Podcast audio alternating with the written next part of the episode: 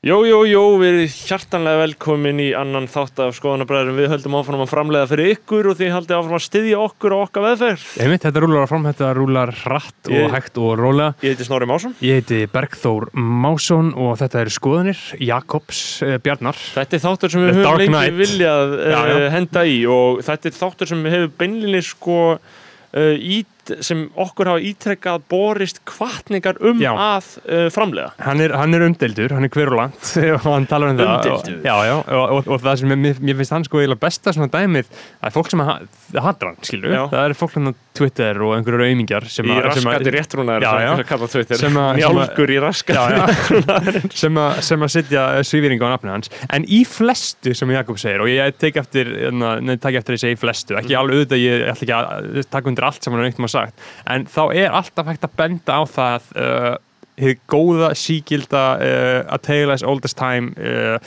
hugtakið, það sem er sagt uh, Where's the lie? Já. Hvar er lygin? Hvar er á uh, í orðum? ósatt Já, og þá skulum við ræða málinu og Einmitt. Jakob er einstaklega frábær þáttur við ætlum að vinda okkur í að nefna það að það er fólk hérna sem styrkir okkur um 30 bandarækjat alla mánuði til þess að við getum haldið þessu úti Mhm. aukið gæðin, unnið minna í öðru sétti og einfallega bara gefið okkur meira að þessu. Og þetta er það sem skiptir máli í því að styrkja okkur. Já, en, en ekki styrkja okkur, þú færið sétt Já, þú færð uh, auka þætti, það er til með seríur um Norðurlöndin, það er seríur um mentaskóluna, það er seríur um Drake og vera seríur það um að það er bara komið ógeðslega mikið af geðugu shiti. Það eru örugglega alveg svona fjö- 40 þættir Við erum ekki hérna, búin að- já, við erum búin að vera örlítið tæft á Já, Þetta örugglega svona við við erum búin að vera meira en ár Já, milli 40 og 50 gæða þættir sem eru að margra Já. mati betri en hinn í þættir Já, og kostar 5 dólara 5, 5, 5, 5, 5, 5, 5 600 dólara kall. Já, þetta er En ókipis þeir sem styrkja okkur um 30 dali eru eftirfarandi aðilar. Andrés, uh, Benedikt Bjarnason. Björgvin Helgi. Björgun Ívar Baldursson. Brynjar Guðmundsson. Erik Ólaf Eriksson Geoffrey Huntington Williams. Hjörtur Páll Hjartar. Hálfdán Sveinsson. Uh, tónlistamæðurinn Dörp Júl Donutinn Júl Dónutin sem sagt uh, Sturla Snorrason. Nafnlaus KFK aðli uh, Sveitn Arason. Tindur Kárasson og Nonni. X, nonni X. Ekki vera hérna, snúður uh, X. Úlfur Árnason og að lokum er það Ari Helgason. Einmitt, uh, síðan er það Jóhannes Haugur Jóhannesson sem að styrkir okkur um 31 dal og fær þá aðeins auka mm, verið nefndur á nafn. Síðan er það Stefán Daði sá mikli fucking king. Hann styrkir okkur um 50 dali. Uppar aðeins, heldur gott hjá honum sko.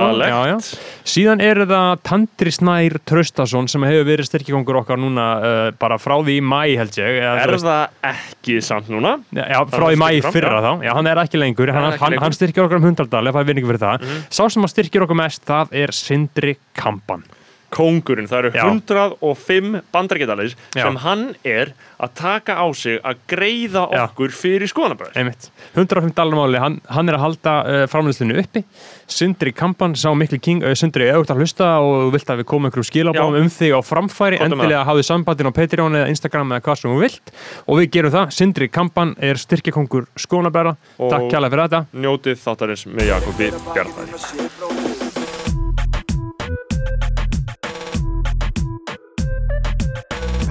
Bakið um að sé bróður eigi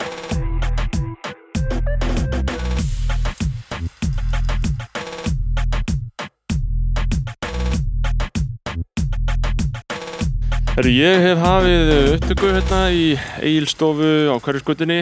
Kom, komur á loftið á föstaskvöldi Já, við erum með mjög góðan gest. Velkomin Jakob. Bjarnar Gretarsson. Já, góðan daginn og kæra þakkir fyrir að bjóða mér. Þetta, Já. er, þetta er mikill heiður. Er það ekki? Jú, sannkallaður heiður. Uh, ég efast nú um að þú hefur hlustað mikið á skoðanabræður. Um, Ég hérna, já, já, ég man nefnilega eftir einum þetta já.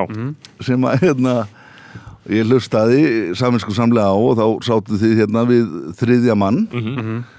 Og þið voru nú hálfan þáttinn svona að eiginlega bara afsik, afsaka ykkur með það að vera, þið skildu nú bara vera þrýr kallar hérna því Já. að það væri náttúrulega alveg Og það var þá þrýr, það var kallmaður sem var með okkur. óforsvaranlegt og Já. það var nefnilega Sölvi Tryggvason Já, það er ekkert smá. einmitt, einmitt og mér langaði til að spyrja ykkur að því hérna varandi bara podcast heiminn Mhm, sem er mér svona einhverju leiti framandi Já, er þetta ekki áfall að Sölvi sé farin. fyrir ykkur hlaðvarparana sko að að Sölvi að, að þetta, þessi skandal skildi Jú, sko það er góð spurning ég, þarna, þetta kemur verulega óvart og öll þessi atbyrðarás hefur náttúrulega verið öll hinn Já. einkennilegasta sko. Það sem að kemur mér mest óvart er að hann hafi eitt öllum þáttunum sínum út. Já, hann Já. Það er náttúrulega rosalega áhugaverð ákvörðun hjá honum að gera það. Já, ég, ég, ég get ekki ímyndað mér af hverju það var ég, ég leitaði skýring á því, ég talaði við þau hjá þeim sko, við baðum Hjá, upplýsingar um hjá við þau. og þau sögðu bara að þeim hefði borist beðni um að uh, taka þættin út og þau verða að virða hana sko, og meira, meira fekk ég ekki upp úr þeim sko. frá þá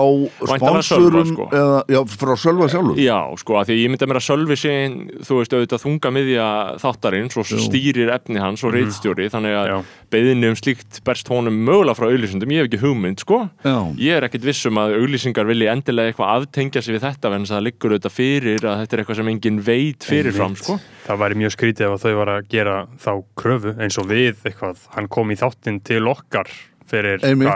ári. Já, já. og ég hef ekki hugsað í eina sekund eitthvað, "Ó, þetta með eða þættinu Nei, nei, um, ekki, aldrei sko. Nei, en uh, sko auglýsendur eru afskaplega viðkvæm uh, fyrirbæri. Já, við, viðkvæm kvikindi eða, Já. uh, og hérna og inn á það hafa einmitt svona allskins lobbyistar og þrýstihópar spilað. Þeir Já. beina kröftum sínum beint í þá Já. átt að vilt þú tengja þig við Já. þennan sem er óvinsæll hjá okkur ef að þú ætlar að gera það þá eh, skaltu hafa verra af. Já, einmitt. það er flakkið einmitt. Og það, það er þetta boykott element sem að mér finnst nú vera alltaf heldur lágkúrulegt því að, Já, því að þá erum við komin inn í einhvers konar skoðana kúun ég Já. að hljóta með að segja Já.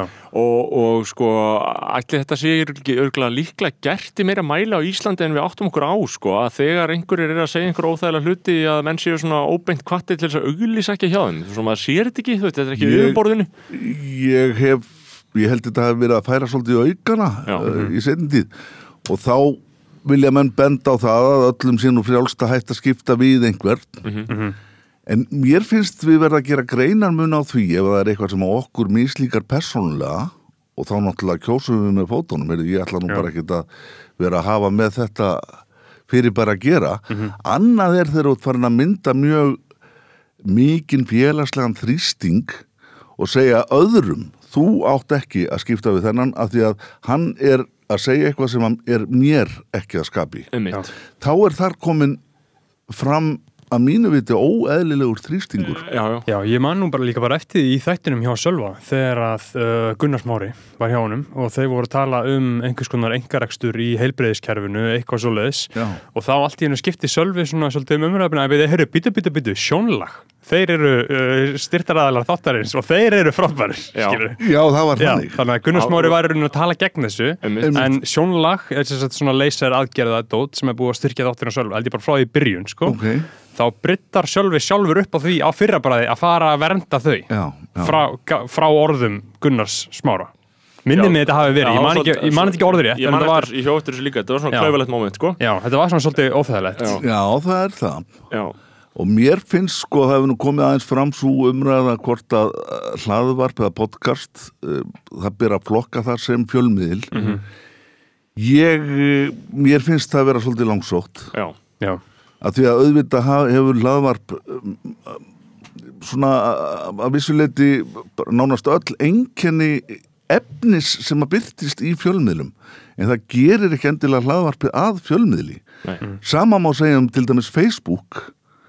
Þar er alveg mjög mikið sem svipar til þess sem að við sjáum í fjölmiðlum. En það vantar mikilvæga breytu sem er svo að þar er ekki verið að stunda blaðamennsku sem að lítur síða reglum blaðamanna. Já, Já. og þetta er heili munnurinn. Og þess vegna held ég að síða reglum blaðamanna hafi, bara aldrei verið mikilvægari heldur en þær eru akkurat núna. Einmitt, Einmitt, þannig, að, það, þannig að það eru þessar síðareglu blaðamanna sem að aðgreina þetta allt. Og er, er, já, í raun og veru vegna fullkomlega? þess að sko, sko síðarreglur blaðamanna eru mengallar þær Mhm. eru hálfraraldar gamlar hafa ekki verið uppfærðar en einu viti Mhm. og þar er svona ímisleg svona uppskapning sem ég kalla það svo sem að, að meðal annars var nú til dæmis sko þeim þarna hjá Rúfa falli varandi þessa þriðju grein já, já.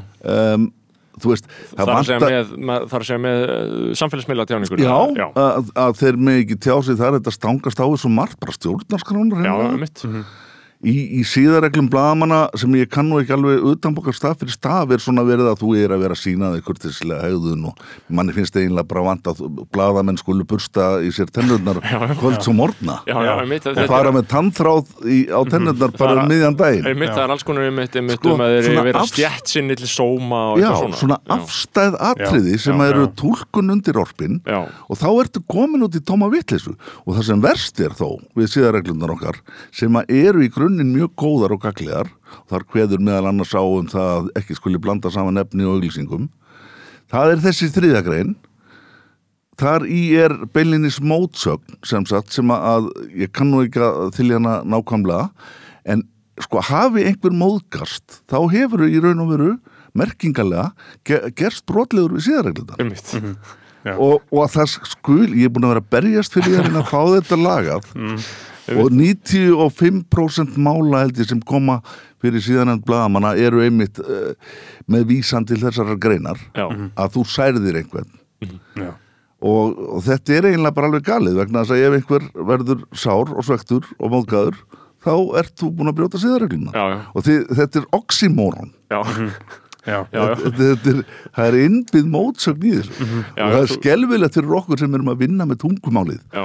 að vera að bjóða upp á svona merkingaleysu en á móti kemur að í grunninn eru þær fellega solid. Já, já, og mikilvæg er einmitt eins og segir að þegar allt í hennu, þú veist, að, að, við þurfum eitthvað fjölmjölamenn og bladamenn að því ég náttúrulega starfa bæði í, í podcasti og hinnu, sko. Ég, ég líti á þetta sem mjög aðs, eða, sko, ekki aðskil, aðs, aðskild fyrirbæri held, að- heldur, öllu heldur sko bara, þetta er bara ólíkt, ólík, ólíkar smíðar, þú veist, þetta Já, er bara þetta- allt annað kraft. þetta er skilt Um, en þetta er algjörlega skilt, sko, en, en við þurfum einmitt, sko, á... hér, hér, hér þarf ekki endilega að vera að líta til einhverja fyrir bara eins og hlutlægni. Nei, nei, ég ætla að segja maður bara það sem hann er síðan sko, af því að ég veit bara þegar fólk les vísi.is þá er ekkert að koma að lesa mína skoðun sko. einmitt, einmitt, akkurat tvennur viðhorspislum og fréttaflutningi. Já, akkurat, og hérna get ég sagt bara að skoðan bara þessu eitt stór viðhorspistill minn, skiljum Já, við já, já, já. en, en svo er náttúrulega líka að, sko, á tímum það sem að, einmitt, það er að skapa svolítið skrítin umræða í samfélaginu og, og í auknum mæli um fjölmila, þú veist, það sem fólk er að segja hluti sem standast ekki alveg og sérstaklega einmitt áhrifavaldar sem eru komnir í beina samkeppni við fjölmila um einfallega sko Uh, og þeir rakka fjölmiðla í sig hægri vinstri, Já. við höfum líka rætt það hérna í hlaðarpinu Já. sko. þau ráðast á fjölmiðla sko, fyrir, fyrir bara að fjalla um sig þegar það er ekki bara um hvað þau eru flott og hvað þau eru að drekka fínt kampaðin sko. um leið og þú ferð sko, hallar orði á þau sko, þá, þá, er það, þá eru þau bara farin að mynda reyfingar gegn þér sko. Já, já, þetta er algjörlega fyrst já, En fjölmiðlar eru í, ég hef nú svo sem sagt það ofta áður, eru í alveg rosalega sérkennilegri stöðu. Já. Þeir eru, við verðum átt okkur á því að samfélagið er óbóðslega meðvirt. Og það, það hefur verið þróun sem hefur verið lengi á leiðin, alveg halva öld, eða eiginlega allt frá því að kenningar í sálfræði koma fram, Mm. sem að heita behaviorismi eða umhverfis, uh, eða sem gangi út á það að við séum afsprengi umhverfis okkar. Já. já, og þetta var nú ráðandi í háskólanum hérna lengi vel sem sagt að þeir tóku svolítið út úr bara hreinlega í öfnunni að það var eitthvað til sem héti eðli eða eh, gena eh, áhrif eða eitthvað slíkt þetta þýðir með öðrum orðum það að ef að þú gerir eitthvað af þér þá er það einhverju öðru um að kenna. Einhverju, einhverju óskilgreindu kerfi skólakerfinu Foreldrum. eða foreldrunum jafnvel. En, en sko fyrst og fremst viljum við nú í meðvirkn okkar eh, varpa ábyrðin yfir á einhvers konar kerfi af því að það er andlitslaust og það er svo erfitt að tengja við það. Og í þessu að verði einhverjum á og, og við, þá hérna eru fjölmilar í þessu hlutverki blóra böggulsins að eiga ekkert með því að vera að segja frá einhverju. Akkurat. Þetta hefur verið einkennandi staða fyrir fjölmila núna bara undanfanni 20 árin eða og svo heldur að þetta sé að versna bara og, Ég, þetta er að versna vegna þess að við erum ekkert að takast á við þetta. Já. ekki, ekki á nokkurn einasta hátt. Já. Og, en, og, en þetta, er, þetta, er mjög, þetta, er mjög slæmt til dæmis trösts e, mælingar. Já, sem að, geta alveg verið gaglegar þegar einhver ákveðin fyrir bæri í hlut. En varandi fjölmila er, og, og ég hef skrifað mig ráðist á rúara þegar þeir eru að horsa sér á þessum tröstsmælingum hvað er verið að spyrja um? Mhm. höfum við einhverja sérstakka ástæð til að vantrista fjölmilum já, höfum við einhverja ástæð ég meina ef, ef, ef, að blaðamæri staðin að því að hallar þetta máli fara ránt með, ljúa það er rekið ofan í hann sko með kökukefli. Já, já, það er, það er, að, það er virt, hann- mjög virt aðhald. og, og mjög virt aðhald og, og þá er hann að forna trúurleika sínum og miðilsins. Já, við, með öðrum orðum við höfum enga sérstaka ástæðu til að vantreysta fjölmiðlum. Að, að Það sé organíst ferli bara sem á sér stað Já, það er til eitthvað sem að heitir sko, en það er afstætt e, svona áhersla og það sé ekki til sem heitir hlutleysi, alveg gott og vel. En hvað eru þessar tröstmælingar á fjölmjölum fyrst og fremst að mæla? Hvaða fjölmjölum treystir almenningu best? Þeim sem er ólíklegastur til þess að segja frá. Já, sem er líklegastur til að standa vörð með einhvern svona einhverja siðpríði og pukur jafnvel. Já. Akkurat, já, já, bara- það sem meikar sagt, sens að, já, Bara sem er ekki að rugga bátnum sem bara, sem að bara ruggar ekki bátnum. Já, og, og, og fjöl, almenningur treystir þeim fjölmjölum verst sem að segir minnst. Já. Og ég meina ég var á DFF á sínum tíma þegar allt sprakk. sem segir minnst? Já, já, já, einmitt. Já, já, og sko ég meina ég man eftir því þegar Jónas heitin Kristjánsson var að nefna það að ég var á DFF þegar allt sprakk í loft upp þá, þá var hann að benda á það sko það, eru, það er ekki þannig. DFF kerið á mjög harðri tabloid stefnu já, sem ég er ekki endilega slæm að Nei, fólk nei. haldi það. Einmitt en, en það var ekkert oftar sem að DFF þurfti að leiðrétta frétti sínar heldur en bara fréttablaði Akkurat, að sem að, þó, sem að þó, þó er sko eins borgaralegt að upplægi og hugsast getur.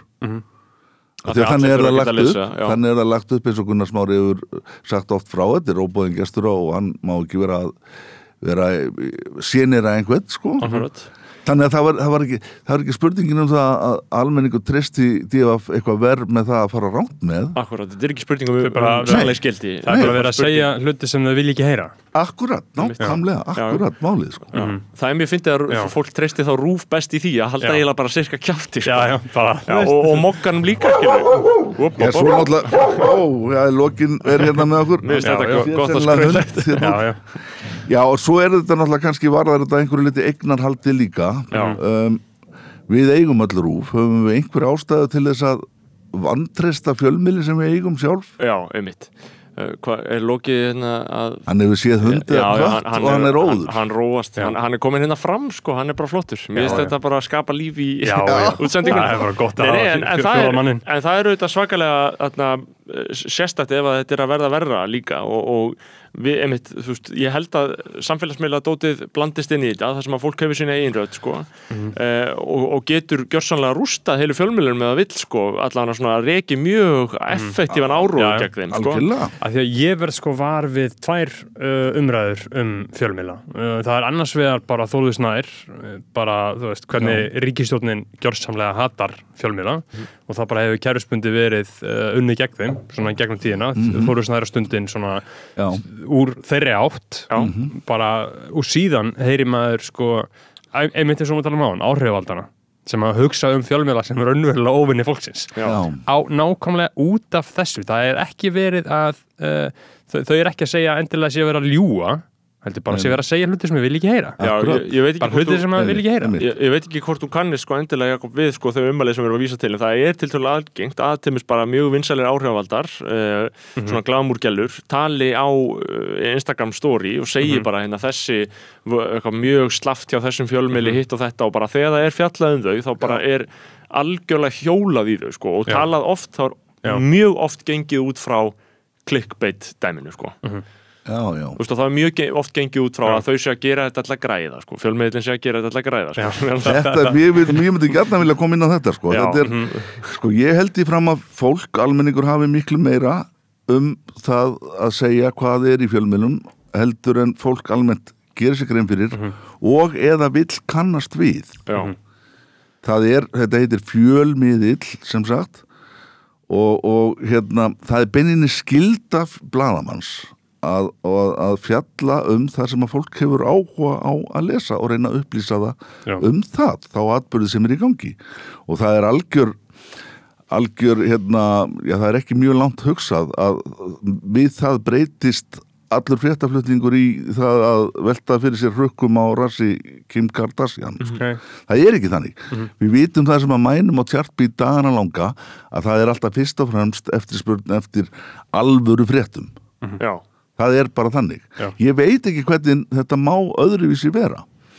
Þannig að, að sko þessi, þessi sko klikkbeit umræða fólk veit ekki einu svona almennilega hvað klikkbeit er. Nei. klikkbeit er í fundamentali þegar þú ert að draga einhvern til lesturs á fölskum fórsendum já, já, eh, svo heyrir maður þetta alltaf er eft, þetta er eft út í eitt á samfélagsmiðlum klikkbeit, klikkbeit, klikkbeit oft um bara góðar fyrirsagnir já, já, mitt já, sem er alveg Já. sánd fyrirsagnir þetta er klikkbeit já, já, Og, nei, þetta, er þetta ekki nákvæmlega þar sem að, að vísar þetta ekki Já. til þess sem er í fréttinni? Einmitt, worst of I Jú, en þú vilt bara að fólk lesi fréttina þeina og þá segi ég alltaf "Bíddu, ég veit ekki um neina fyrirsagn sem er beinleinis hönnu þannig nema hún sé bara frá einhverjum PC-manni, Já, neða Já, já, að fæla fólk frá lestri. Ég meina, já, ég, ég, þekki þetta ekki. Nei, nei, mitt, þarna, sko, ef að fólk vil leiðilega fyrirsagnir, ef að fólk vil, sko, ef að, ef að, ef að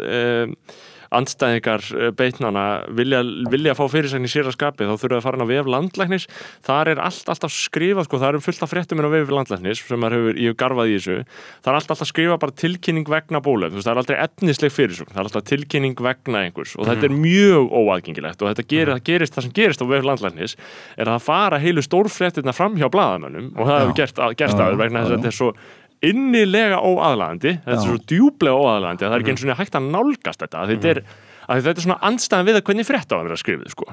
Já, já, einmitt auðvitað viltu uh, grípa aðtekli lesandans, Já, en ekki hvað og það er náttúrulega auðvitað engin glæpur. Nei, en sko við erum núna í, á, í óbó, á óbóðslega erfiðum stað og áður óþægtum slóðum sem er náttúrulega þetta sem að ég er alltaf að tannlast á með það að, að fjölmiðlar hafa glatað þessu liðvörslu hlutverki sína já, það er ekki lengur þeirra ákvarða hvað heyrir til ofnbæra byrtingar þetta er algjört grundvallar atriði vegna að öll líkilugtök í blaðamennsku grundvallast á þessu hlutverki. Já. Og, og á þessu hlutverki um að sérst, þetta hliðvörslu hlutverk, þannig að við vörpum smá ljós á það, þá er það þeimitt það að fjölmiðlar hérna í gamla daga voru þetta bara það þeir sem ákvöðu, ákváðu hvað ætti að byrtast fyrir huga almennings eða ekki. alfarið, Já, algjörlega. Og ég hjónablettið og talaði um fréttir hjá landlæknisembættinu. Já, já, vegna þess að, að sko, þetta er til dæmis sko, eitt af því sem ég kalla upplýsingaóriða Mhm, sko, síðan hafa komið vefmiðlar hjá öllum stofnunum landsins, meir og minna, þar eru einhvers konar rítstjórnir en sko, það er gegn ákveðinu hlutverki sem er að fegra ímynd þess fyrirbæris. Þannig að þetta er ekki fréttir í neinum skilningi að þær séu unnar á forsendum einhverjar hlutlegrar rítstjórnar skiljiði mig? Já, já. það er ekki unnar í þá, þá almennings. Ne nei, það er þjóna ákveðnum tilgangi og ég er ekki, ég er ekki að segja að þarna sé einhver bara líi og, og líimál en sumt er nefnt og annað ekki. Já, já. mjög markvist og vísvitandi til þess að styrkja fyrirbærið í sessi. Já, já. þannig að við megum ekki kalla þetta fréttir. Nei, Nei. tilkynningar. Þetta eru tilkynningar, þetta eru fréttilkynningar og ekkert annað. Og, en þetta er á öllum póstum Já, Ég lendi í háaðar yfirldi við hann Svein hérna, Guðmarsson hjá utanríkisráðunetinu einmitt um þetta. Þar sem ég sagði hann, viltu gjöra svo og hætta að senda eða kalla þessar fréttatilkynningar sem þú ert að senda mér fréttir? Því að það eru þær ekki neinum skilningi. Nei, nei. hann hætti því. Já, það var já. svo merkilegt en sko þetta, Þetta er ennþá stjórnaráðunum.is, ég held að þetta, er, þetta, er, er, þetta er allstaðar já. strákar. bara takið eftir þessu. Já. þegar þið farið að skoða þessa vefi þetta eru ekki fréttir. Nei. Nei, nei, þetta er, þetta er einfallega bara yfirlýsingar og tilkynningar einmitt, algjörlega. Já, já, og ég, ég held líka að, að þetta er náttúrulega líka hluti af því sem maður kemst ekki hjá því að ræða þessari, þessari þessum spekileika, það sem bara einhvern veginn fjárhagstæða fjölmjölana hefur bara algjörlega farið út í já. móa og Já. bara alg, er bara í einhverju lámarki og við erum náttúrulega alltaf að væla undan því fjölmjölamenn að, að þetta er bara einhvern veginn orðið þannig að, að við stöndum bara hérna örfá eftir Sko, það voru krakkar sem að byrja á vísi alveg framúrskarandi góði blaðamenn voru orðin það eftir tildulegast skamman tíma hérna, sem að fóru að starfa fyrir flokkana sem hafa nú verið að seilast í Hýrsluríkisins Já. eftir P til sinna starfsemi Einmitt, það geta það. nú ráðið hérna, og Sunna hérna, Kristín og, og, og Stefán Óli bæði tvö alveg frábæri blaðamenn voru ráðinn annars vegar til Pírata og hins vegar til viðreisnar, viðreisnar. ég held að þau hafi doblað launin sín Já. easy og sko ég efast ekki um að það er talsvert mikil vinna en ég leifi mér samt sem áður að efast um það að það sé eins mikil vinna já, og það er að vera blaðamaður því að það er alveg 24-7 helvíti. Já, já, Já. en sko auðvitað bara, ég nefni þetta bara sem já. þetta, Þetta, þetta er lýsandi ástand sko, og hver Þetta- vil þetta er vinna þeir sem, viðreisnar skilur og, og, og, og þetta er ekki bara að þetta sé væl í okkur út frá okkar eigin nei. þetta er þetta er samfélagslega meinsend. Já, Þetta er og það. þetta er algjör hel stefna. Já, já þetta, það, og, og einhvern veginn e, það er eins og þetta ná ekki eirum fólks sko. Nei. alveg sama hvað við æpum og spriklum sko. já, já, það er eins og að ná ekki eirum fólks það er svo vannþakklátt fyrir já fólk elskar að hata fjölmila það er bara þannig, út, frá, út af þessu sem vorum að tala á þann um meðvirknina. Já, já, e, þa- þetta er nefnilega sko að, þú veist, að hafa mann maður lætur dreyma um eitthvað ástandinn á Íslandi eins og bara þekkist að þeir sko það getur verið að ég færi þig augum mínum eins og til mér bara eins og í ef, ef ég nefni bara Þýskaland. Þar eru miðlar sem hafa bara raunverulega mikið að segja um það hvað gerist í landinu auðvitað hafa fjölmjölar hér það líka en, en það eru bara svona alvöru stopnarnir þekkingarstopnarnir þar sem að er bara rótgróið fólk sem starfar þar alla starfsæfina fólk fer inn í þetta sem karriér og leggur allan sinn metna við að standa sig sem allra best í þessu. Já, já, en byrjar ekki hér, þú veist að fólk eitthvað byrjar eitthvað aðeins að vinna hjá Rúf eða Vísi eða MBL og fer síðan bara inn í stjórnmálaflokkana eftir þrjú eða fjör ár og, og, og tekur auðvitað með sér þekkinguna sem helvitis fjölmiðlinn eitti tíma í að veita því sko. Algjörlega veist, þannig að þetta er algjörlega sko, fjölmiðlar í algjörðu ofbeldi sambandi inn á þessum vinnumarkaði sko. algjör, alveg fullkomlega veist, en, og, og það er náttúrulega bara spurning um rekstrar ég held að sé alltaf bara spurning um peningana sko, því að fólk er bara, þú veist, að þetta er bara samkettni um starfsfólk, spurning um hæf, sta- samkettni um hæft fólk. En þá, ég meina, þarf að setja þetta bara undir ríkið, skilu, þarf ríkið að bara byrja að borga meira og meira í þetta, eða auðvisa meira fyrir þetta, ég meina, Er hvað? það ekki gert í Svíþjóð og Núrei og Danmörku Jú. og allstaðar það sem Sko, þetta ég- virkar? en er það það, er það, það skilur á eða? milli feiks og ófeiks þar, ég veit það ekki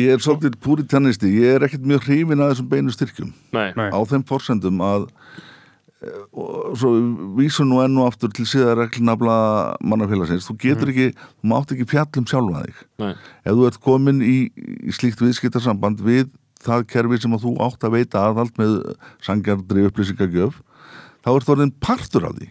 Já, þá með óbeinum hætti og þetta er vandið sem að rúf stendur frammi fyrir. Rúf er partur af kerfinu hvort sem okkur líkar það betur að ver og það er Og hvort, hvort sem okkur, þú veist, þykir væntum Helga Seljana eða hvað, þetta er bara staðan skiljið, eða Gunnu Frengur sem er á símanum eða eitthvað. Þú veist, sem að virðist alltaf ráða afstöðu fólks in the end, en þetta er sko æ, hvað er þetta? Símsringingar, við sættum okkur við það. Nú, það já, það er golf á morgun. Já, já, já, en, en sko þá, þá þýðir það að þú ert farin að fjalla að einhverju leiti um sjálfan þig, þú ert ekki lá, lengur óháður gagvart um fjöllunarefninu og, það bara, og það er bara mjög mikilvæg staða Já. sjálfu sér. Já. Ég hefði haldið, þar með er ég ekki að segja að ríkisvaldi get ekki komið til hjálpar. Vissulega getur það gert það með allskins hætti til dæmis Já. bara í gegnum skattkerfið eða, eða eitthvað. Það eitthvað meina- svona tryggingagjalds Já. eitthvað, eitthvað svoleiðis. Ég er nú ekki ég er nú eins talnablindur og Bubbi Mortens er lesblindur Já, já, sem, er, sem heitir vist skriftblinda í já, hans huga en það er að því að hann er svo lesblindur. Já. Sko, eh, ég held að Bubbi. Já, Bubbi er að hlusta. Bubbi fallinn, nei, við meðum ekki segja það. Þarna, það, ég held að þarna, ég held að þetta sé líka spurning um bara uh, eins og með uh, þessa styrki uh, ég efast um að þetta sé eitthvað að fara að reysa fjölmjöla við sko. þetta er náttúrulega á það hefur verið bent að þetta er algjörst skýtir í Já. sko ein forsendan sem að Lilja Dögg Alfredsdóttir hefur nefnt sem er alveg rétt hjá henni er það að og, ímsir fleiri að, að, að þetta sé að einhver leiti í nafni íslenskunar einmitt og áttum okkur á því að, að árlega er veitt til bókaútgáfu 500 miljónum það er ansi gott, góð uppæð til, til bóka útgáfa þá til, og til, forlag. til útgefanda Já, Þetta er ekki listamannalaunin Nei, þetta er bara til Já, til Útgefandi. stendur að láta renna til fjölmila eh, einu sinni á ári, hvað heldur er að sé 350 miljónir já, eitthvað 350-400 og, og það þarf að hérna, fara í gegnum það árlega. Þetta var ekki að setja þetta á einhvern einn fjárlög eða neitt slíkt. Sko í samanburðinum og við getum alveg sagt eitt og annað um það að blaðamenn skrifin og svona, svona mikið, góðan texta. Ég reynda að ber miklu meiri virðingu fyrir hérna, stílfærum blaðamannum heldur en rítöfundum enn í deg. Þeir nú- þeir fá kúri yfir þessu marga mánuði sko. Já, bara er ekkert að gera neitt sko, merkilega hluti sko. en í þessu samengi varðandi íslenskuna þá, þá er sko er bókaútgáfa landsins hún er hjálega Já, í þessu samengi varðandi framleiðslu fjölmiðla á íslensku efni íslenskum texta. Já og sko og talmáli. Og, og fra- framleiðslu eh, annars vegar og hins vegar sko markkóp og þann sem það- náut nær til að þetta smitar sko. Já, þú veist, nákvæmlega. markföldunar áhrifin eru þú gerir eina fyrirsögn með ykkur orði og þá er það bara komið inn í tungumál fólks sko. Akkurat og þú ert að gefa út bækur fyrir bókelst fólk. Já, sem eru sem að 300 væntanlega sem að væntanlega, já, já. Sko ég eh, hef mikið fjallað um bóksölu í gegnum tíðina. Ég er nú búin að vera í þessu allt, allt og lengi í 30 ár en hef alltaf verið svona á höttunum á eftir upplagstölum. Við fáum sölutölur já, uh, sölulista.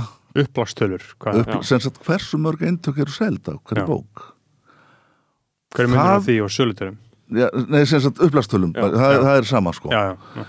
en er það ekki Þetta- hversu margar er prentað þetta hafa þær aldrei vilja gefa uppi Sest, hversu margar eru prentaðar já, já, já, jú, já, já sem sagt hversu margar eru seldar? Bara seldar, ok. Per, per eintak Já. sko.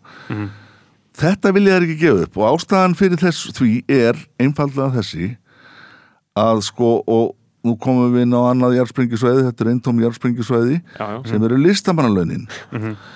Uh, sko uh, ef að fólk áttaði sig á því hversu fá eintök eru seld af sumum bókana ef að það kannski ef að fólk áttaði sig á því að það eru kannski ekki nema segjum hundra að lesa Gýrið Eliasson sem er álega á, á listamannalunum já, og vel að merki ég er á því að við erum að veita miklu meira fyrir í listamannalaun en það þarf náttúrulega að skera upp þetta kerfi sem að er að gera alla listamannlansins að aumingjum sko. Já, já. Að varðmönnum mm viðtekina skoðana sem er náttúrulega bara skelvileg staða og stangast á við allar hugmyndir sem við gerum okkur um, um list og hlutverk hennar Þetta er margslungið hugtak. Um við, ég, ég er til í að ræða listamannalaunin en ef að fólk almennt vissi það hversu, hversu fá eintök er verið að selja af hverju bók? Mhm.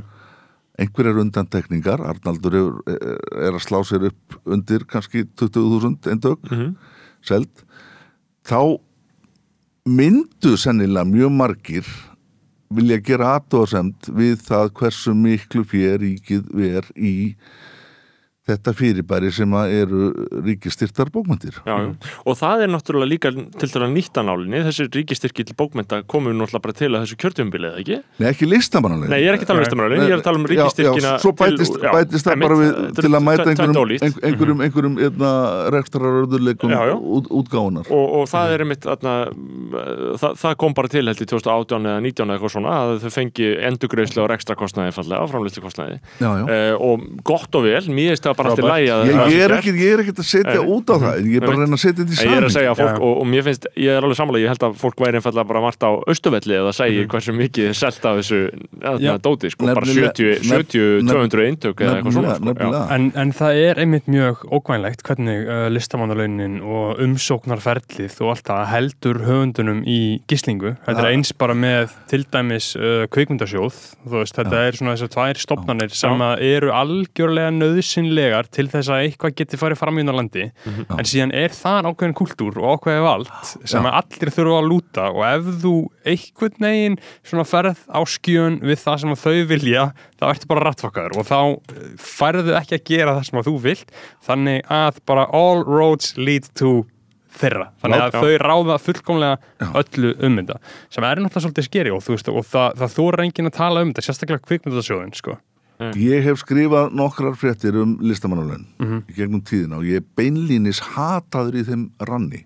Já, Sko ég er bókmentafræðingur Mhm. að ment og, en sko það eru svona 20 rítöfundar sem eru með mig á blokk á Facebook. Bara þeir hatast við mig. Bara fyrir það eitt að hafa nefnt Já. þetta. Já, já, svo hrættir eru þessir þessar blessuðu sálir Já. já. að það má ekkert ræða þetta svo mikið sem. Nei, nei, og það lýsir svo sorglegu ástandi það lýsir svo miklu móta það lýsir og það, ger, það lýsir svo mikil lítilþægni Mm. og þegar að þú ert orðin ríkistyrtur, lítiltægur ríkistyrtur listamaður þá ertu komin í alveg vonlösa stöðu vegna þess að þú vilt ekki ruggan innum bátum þú vilt ekki vera að segja neitt sem að, eins og þú varst að lýsa á þann mm. re, rekur hotnin í eitt í annað. Sko list, list rithöfundar, ef við tökum þá bara eru að einhverju leiti skildir sko hérna blaðamennum að þeir eru að fjúpa Já. blaðamenn eru í króniskri stjórnaranstöðu, bursið frá því hverjir eru völd hverju sinni það er óvart alltaf sjálfstæðir flokkurinn þannig að þess vegna halda sjálfstæðismenn að fjölmiðlamenn séu vinstri sinna er menn sem að hatast við já, sko. einmitt. þú veist Kommunistannar á rúf. en þá eru þeir komnir í þá stöðu að í staðin fyrir að þeir eru ekkert að vera í króniskri stjórnaranstöðu eins og kannski blaðamenn en þeir eru allavega að vera í þeirri stöðu að þeir hafi frelsi til þess að skoða hlutin á róvæntum áttum. Þeir eru ekkert að vera organdi og, og þú veist nýðu með valdháfana en þeir eru að opna augu okkar. Það er eitt megin hlutverk listarinnar. Það gera þeir ekki ef að þeir eru alltaf að passa upp á það að þeir komi sér ekki í ónáð hjá þessari útlutuna nefnd og nefndir eru nú einhvern veginn þannig vaksnar að þar veljast yfirleitt inn einhverjir svona pappakassar. Já, sem að eru að passa sig á því að veita einhver, þeir eru að passa stöðu sína. Já, þannig að þetta er svona einhvers konar veksömmun meðalmennskunar já. Að láta nú engan fá uh, listamannalaun sem, sem að geta orðið umdeilt því að það geti trubla þeirra stöðu Já. hjá nefndinni skilji, er, er þetta Já, flókið? já. Nei, við viljum bara hafa þetta eins einfalt en, en getur útskilt sko hvernig virkar uh, virka þessar út hlutunar endur og hvernig er þetta ákveðið hvað eru margir sem að koma að þessu. Er þetta einhverja stóra nefndir eða er þetta bara einhverja, þrjár- manneskjur? er Þrjár, þrjár manneskjur á grein. Einmitt. Ok. í fagabókmyndum Já. og Já. ljóðabókum og eitthvað svona Nei, það er sem sagt rítöfunda, það eru myndlistamenn, það eru tónlistamenn, það eru mm flýtjendur og það eru hönnuðir Ég er örgulega að glemja einhverju einu. Já, og, þ- og þau eru bara valin væntalega af ráðunætinu Sviðslistamenn. Já, eru væntalega, þau eru væntalega að koma þetta fyrir Nei, ráðunætinu þar, þar kemur nefnilega inn eitt sem að stuggaði nú heldur betur við uh, þessari hjörð. Það er nefnilega sko, jú, að einhverju leiti að ráðunetinu, en líka hagsmunarsamtökum hérna hópana. einmitt, Þess vegna var þar svo, kom það svo illa við þau þegar að vísir flutti fréttir af því, ég skrifaði vel að merkja ekki þá frétt, að sko í stjórn rítumundarsambansins sáttu fimm manneskjur. Þau völdu nefndina sem útlutaði þe- öllum þeim ás, já, já, staðreind Já, þetta, er bara staðreind sko. og, og við bara sáðum frá þessu og margir eru náttúrulega bara til að súpa kveljur sko. en þá náttúrulega kom- þurfti að skjóta sendibóðan einhvern veginn var þessi fréttum skrifuð á mig já. Já. ég held að það verið Stefán Óli sem skrifaði hana Já, já. eða Yngvar sem er á viðskiptafræðinu Já. ég man ekki alveg hvernig það var Einmitt, það, það, það, það er auðvitað lýsandi fyrir það umhverfi sem þetta er komið í að einhver leiti, ekki það að ég stiði ekki sko, einmitt, og svo er maður náttúrulega ef maður segir eitthvað um þetta þá er um að vera á móti listamannalaunum Já. náttúrulega, sem þú kannast örgulega vel við að vera sagaður um ég er bara, ég er það alls ekki Nei, ég, er ég, ég til að þetta fyrirbæri fyrirkomulag þurfi það þurfa að fara í þetta. En þau eru svo hrætt um það ef að það verði gert þá verður þetta allt reyði tilbaka ég held að það sem Já, Já. það það sem að ráði óttanum. En sko þetta er svo illa skilgreint. Er þetta hugsað til þess að styð, styrkja eða styðja menn sem að vilja fá að reyna fyrir sér um kannski eitthvað tiltekið tímabil? Að það hvort er eigi erindi eða bladi bla eða er þetta til að hjálpa einhverjum tilteknum hópi listamanna að taka þátt í lífskeiða kaplöpun og vera svona sæmilega velmeðandi borgarar í þessu samfélagi. Þessir tvö sjónamist hangast á. Það sem er svo skrítið er sko manni virðist vera einhvers konar kúun vegna þess að auðvitað hljót lítur fyrirhópurinn sem ég nefndi að vera býstna óhress með það hvernig málinn hafa skipast vegna þess að fólk sem vill reyna fyrir sem fær Já, aldrei nokkuð er- skapaðan hlut. fær, fær ekki, ekki tækifæri til þess. Já. vegna þess að við hljótum sko, Vincent van Gogh hann seldi eina mynd á sinni tíð. Mhm. hvort það var ekki bara til uh, Theo bróður síns Já, já. skilji, þannig að einhverju leiti lítur þetta að vera að hugsa líka þannig að við séum að styrkja þá listamenn sem eru vissulega mikilvægir sem eru ekki háðir markasöflónum Nei, nákvæmlega. Akkurat. En og, og vissulega má segja það að Arnaldur og Glæpasagna höfundarnir hafa ekki verið inn á þessum launum Nei, þau eru ekki, þau eru ekki að fá laun en aðrir sem eru kannski bara sæmilega stattir eða þurfa þetta kannski ekkit með mjög eitthvað svona augljóslega eru kannski þarna alltaf með 12 mánuði eða eitthvað. akkurat, en, en, en ég meina samt svona söluhár gaur eins og bara Hallgrimur Helgason hann geta ekkert bara að lifa á bókusöfun sinu Nei, ég veit Þótt að hann sé held örugglega ekki topp sko. er og, en, og ég er heldur ekki að halda því fram að nokkur hann inni þurfa ekki á þessu að halda ég held að ekkit að þessu fólki sé vaðandi þetta, er, peningum þetta sko. er algjör hungulús Já, sko. þetta, er- að já. 450.000 Þetta er krónur bara- er ekki, ekki, Þetta er ekki klink. Já, þetta er klink já, Já, Eh, en, við megum samt sem áður ekki láta það brengla umræðuna þetta, ve- sko, við, við erum, þegar við erum að ræða um prinsip, prinsip eru algild. Mm. og það, þú veist, og- en þetta er alltaf afgreitt, þetta er nú ekki mikið. Og svo kemur einhver whataboutismi, sko, hérna, en byrju, hvað eru nú bændur að fá? Já, já, Ha, þetta er ekkert í samanbyrju við það, hættu þessu, Já. hættu að tala um þetta. Einmitt og þannig eru prinsipin slegin út af borðinu, það er, það er vola sorglegt. Já, en, en ef, ef maður leggur það niður fyrir sér hvernig gæti svona kerfi verið hátta öðru vísi? Hva, þú veist, hvað gæti væri hægt að opna þetta einhvern veginn? Kannski skýra forsendur fyrir því að hver og eitt fái laun eða þú veist, hvað Það þarf náttúrulega auðvitað að fara yfir það þarf auðvitað að, að fara í einhvers konar skilgreiningavinnu hvernig er þetta hugsað? Mm. til hvers er þetta? Annað er þessi, heið, þessi heiðuslaun listamanna Mhm. sem að mér finnst alveg bara uh, skelvileg, ég sko bara dýrka og dái vel flesta sem er, má, sem er á þessum heiðuslaunum Já, en þau get ekki verið þannig hugsuð að upplægi að staga í, í hérna í, gödótt velferðarkerfið og svo eru þau ránglátt ekki vegna þeirra sem eru á þeim heldur vegna þeirra sem eru ekki á þeim.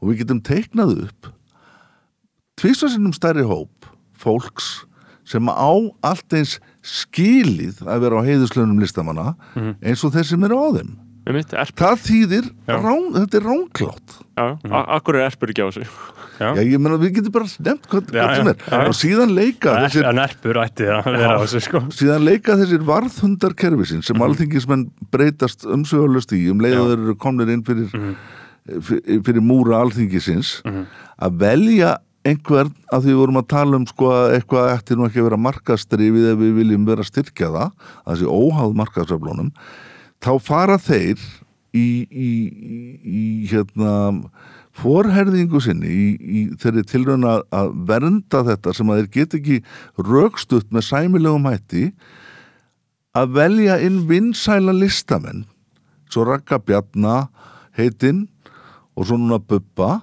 velja inn vinsæla listamenn ef það skildi verða til þess að almenningu sætti sér betur við fyrirbærið. Já, já, Það blasir við.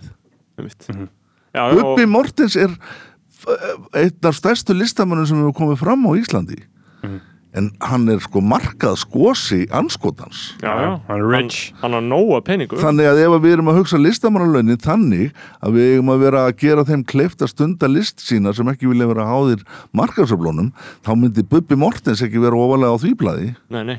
Og, og það er einmitt alveg rétt, það er svolítið furðulegt að gefa honum sem á nóga peningum, það er ekki vandræði á þeim bænum uh, peninga?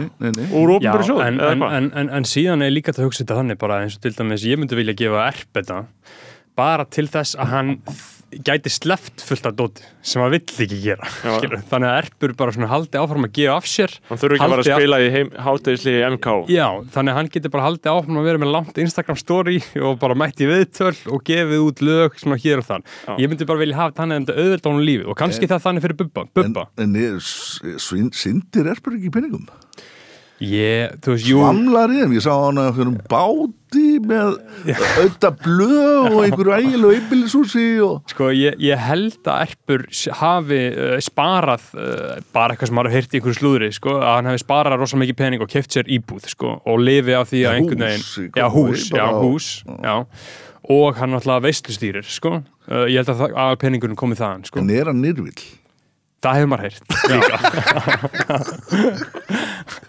Það, það er vist aðal það er ógeðslega Já, fyndið. það, það er aðalmáli að er erpur sér legendir í nýskur Það er alltaf gaman að því þegar það Já. kemur svona eitthvað alveg á skjön við ímyndina. Já, Já, af því já. að hann auðvitað sér, getur ekki gefið sér út það er ekki alveg í taktu í ma- ma- maður hefur heyrt á hann að mæta bara með klink í boka og borga fyrir eitthvað. Já. en þetta, er já. bara slúður Já, já, já, já, já, ég, já, uh, faktaði þetta ekki sko, hann er víst sko, maður hefur heyrt sko, bara sögur af honum að hann hefur bara verið að rocka NASA 2010 bara fjögus manns, útgáð tónleika Copacabana. Já, og síðan tekur hann bara uh, strætó heim frá gigginu já, og bara gistir upp í, í sófa hjá sjóara vinnu sinum í Mosó að hann er að sapna sér fyrir íbúð þetta er bara svona slúðustöðu sem maður hefur já. En þetta er, er virðingarverð vegferð, sko. Já, já, já, já, bara svona Jókim Aðlönd Já uh, ok. En já, já, ég held að það ætti að gefa honum list, nei, heiðuslistam 100% En já, ég er alveg samanlega því að þyrfti að endur sko kerfi en ég veit líka af einmitt, bara samtölum mínum við reyndtöfunda að dæma og sömulegðis við fólk sem er uh, atna, á, á örlög sín undir kvikmyndasjóð. Mhm. uh, kvikmyndasjóði. Að þetta fólk náttúrulega þórar ekki að, að segja nokkuð skapaðan hlut um þetta ofnberlega, bara ekki að ræða það sko. Nei. Mér nokkuð skapaðan hlut annan og þá fyrir maður að velta því fyrir sér, fyrir sér hvert er hlutverk listarinnar. Já, ef, ekki, ef, að, ef að þú ert svo óttaslegin að þú mátt vart mæla einmitt áttu þá að vera listamaður, ég er ekki alveg vissu það Nei, Nei. Ég, það þarf allan einhvern veginn svona kerfi sem getur ekki bitið, bitið tilbaka sko. mm veist, það þarf einhvern veginn að tryggja það sko. Já, já. Þú Veist, að, að þú getur ekki einhvern veginn lent í kerfinu eða, sem, sem Já, gefur, kannski er það samt bara lógískur ómöguleiki kannski Ég- er það ég- bara þvers Ég held það, ég menna heimurinn stjórnast fullkomlega af bara mjög skýru meðstýrðu valdi Já. Allstaðar, hvert sem hún já, þú veist, það eru hagsmunir, hagsmunir, hagsmunir. Allstaðar. En sko, ég er ekki með eina töfralaust en eh, alltaf þegar ég velti þessum fyrirbærum fyrir mér þá verði ég alltaf svona skotnar og skotnar í bara borgaralönum já, já. Mhm. ég er sammála því.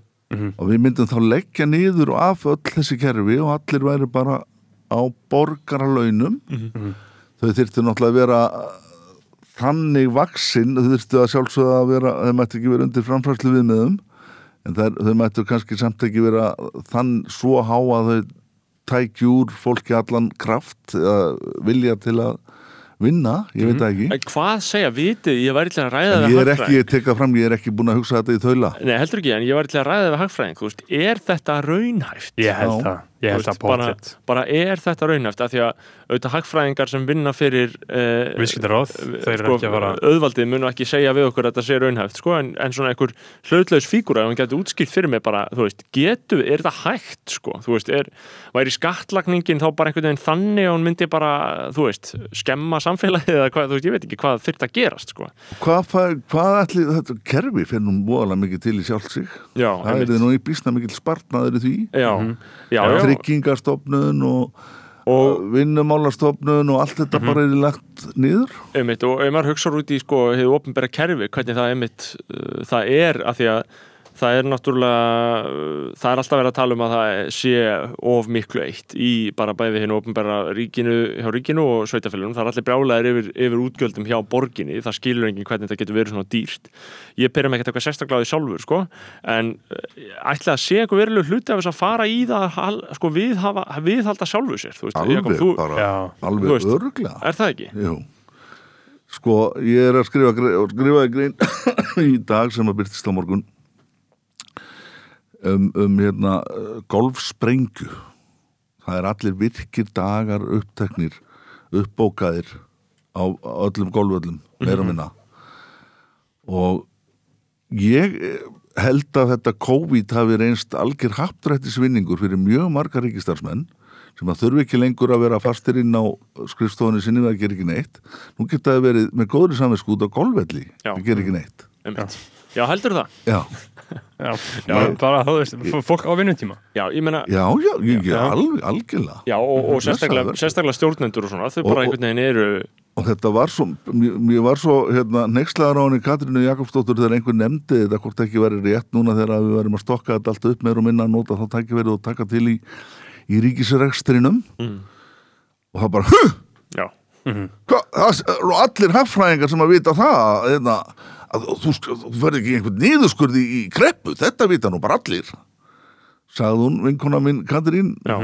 af miklum þótta og bara ég meina hvaða barnaskóla hagfræði er nú þetta? Já, akkur ættir ekki með að taka til í einhverju sem er fullkomlega useless eða gagslaust sko og, og uh, það er ekki þar með sagt og er ekki að fara í ríkis framkvæmdir sem að geta verið kannski einhverju leiti í, hérna uh, virðisaukandi til já, já, framtíðar. svona þjóðhagslega mikilvægur Já, sko, já. það, eru dæmi þess og, og uh, ég legg nú ekki í vana minn að, að vera með eitthvað sérstakt horn í síðu ríkisrekstur, rí- ríkisrekstur sem fyrirbæris. En maður hefur séð það í COVID eins og þú segir með gólfsprengina þjóðabóklaðan er skýrt dæmi um svona hegðun Já. það er bara, þegar COVID byrjaði þá var það bara uppskeru hátíð fyrir þjóðabóklaðina það bara fengi allar að fara heim Já. og þau voru með lokað sko, æjón í æ þegar það þurfti ekki að vera lokað sko. Þú laun veist það- tryggð alveg Já. Laun, það er ekki séns að nokkuð maður myndi vissa vinna, vissa vinna. ef eitthvað er það var bara verið að ráða inn sko. Já, þetta, og þetta, er búið að vera alveg furðulegt ástand og, og, og sko það, það var bara, maður horfði bara á það að opnunartímanir voru bara ekki ásættanlegir og ekki góðir fyrir viðskiptavinni eða þess að sko þá sem er að þykja þjónustuna, svo sem þjónustan er Já. fyrir sem eru bara nemar, Akkurat. mentaskólanemar og háskólanemar þeir voru að missa spón úr aski sínum vegna þess að þjónustan var skert og það var ekki vegna sótarnarregla það var bara vegna þess að það var einhvern veginn COVID í samfélaginu, það var bara opið til sjö en ekki tíu. Og þá verður svona elitismi. Já, Þetta er eins og, þú veist, ég heldur vil ekki endilega vera svíður þessar stofnuna því ég auðvitað vil ég, þú veist, þarna, að þetta sé allt Bara flott og vel gert og og gott svona. og, allt svona og þú veist, ég vil ekki taka bara hæra manna póluna og ráðast á þetta.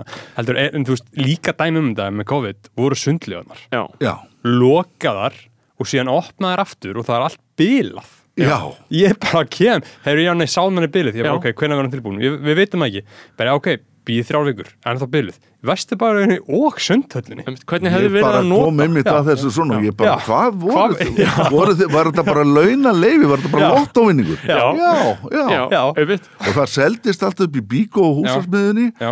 og þetta fólk sem er orðið ans bísnastöndugt eftir Já. sko, að þetta er svona tröppugangur um, á, þe- á hennum óskiljanlegu uh, forsendum að ríkið verða að vera samkefnishæft um besta fólkið já, sem er alveg galin hugmynd vegna þess að ríkið er ekki samkefni nei, með mig þá vilja sem sagt uh, ríkistarsmenn alltaf miða við skulum, alveg, við skulum ekki gleyma því að mentunastegja nú talsvert hærra meðal ríkistarsmanna heldur en gerist og gengur. Þannig að það er ekkit óeðlegt að þeir séu á sæmilegum launum. Mm Já, þess að auðvita á að virða meta mentuna einhverju leiti til launa en þau vilja alltaf á, á þessum forsendum samkjöfnishæfi ríkisins sikk miða sig við þeirra best gengur á markaði.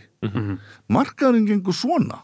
Já, Einmitt. En þeir eru bara alltaf á sínu striki, sínu róli, bara upp á í því. jafnari línu, já. Já, þeir taka aldrei á sig einmitt. Þannig að sko þetta bara lögmál getur bara enda á eitt við og ég held að við séum komin þanga núna. Að ríkistarsmenn eru bara miklu betur haldnir hvað var það öll réttindi, atvinnuöryggi og laun heldur en gerist og gengur á markaði. Já, já. og þetta er náttúrulega bara ekki hægt. Þetta Nei, gengur ekki upp. Nei, nei, og, og ég held líka að maður geta alveg verið ófeimin við að þó maður sé svona kreddukendu vinstirmaður sko að segja að þetta eigi ekkert að vera svona, þú veist, ríkið á ekki að vera að ganga fram með góðu fordæmi um kjör, væntalega, þess að Nei. þau, hlitu að taka freka mið af því sem gerist á Já, markaði. og líka bara, og hvað er ríkið, skilur Hvað er, Það á bara að vera þú veist, þjónusta við hvað- borgarana, já, sko. Og hvað er ríkið? þjó- Ég það á bara að vera þú þjónusta veist, við borgarana, sko. Já, og skilur, ríkið er bara sjálfstæðisflokkurinn Þú veist, Bjarni Ben með slóganin sitt að burt með báknið, þú veist, bró, þú ert báknið Já, já, Einmitt, ég, Það hef, er- ég hef nú haldið fram og, og nokkuð lengi að, að sjálfstæðisflokkurinn sé svona skæðasti kommunistaflokkur sem hefur komist til valda á já, já, Já. þetta er bara, og þar tala verkin sko, ekki frómar fyrirætlanir heldur bara einfalla feilin. Já, Já, bara hvað þeir hafa, hvernig þeir hafa að haga sér sko. Já, Þeir, já. flokkurinn er gegn síður af pilsfaldakapitalisma þeir vilja vera í einokuna stöðu og ólíkarkisma sem er þessi engavinnavæðing Já. já, já, og Þa, það er bara alveg furðulegt að þeir skuli tala um sig eins og þeir tala um sig ég held að sé bara, ég held að Þetta það er sé sem bara ekki best fyrring og mikla það, nei, nei, það sem þetta er, er þetta bara best að allra besta markasherferð sögunar, þetta er bara allra besta markasetning sem hún bara umgetur á Íslandi og best markasetta fyrirbæri, þú veist, að fólk skuli kjósa þetta í trúum að með þessum hugsunum sem fyllt eftir, sko. Já, já. það er náttúrulega það sem er kraftaverkið og það er bara markaslegt kraftverk, sko.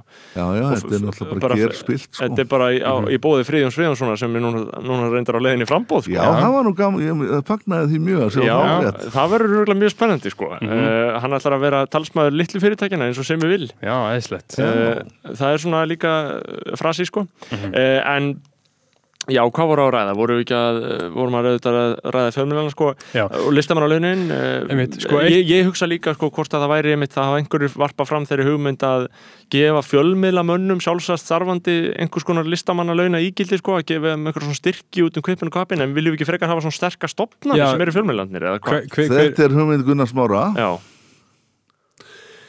Sko, eh, ég hef unni með Gunnari Smára. Ég ber gríðanlega mikla vinningu fyrir honum, ég held að þetta er einhver flinkasti blaðamaður sem hefur komið fram á Íslandi.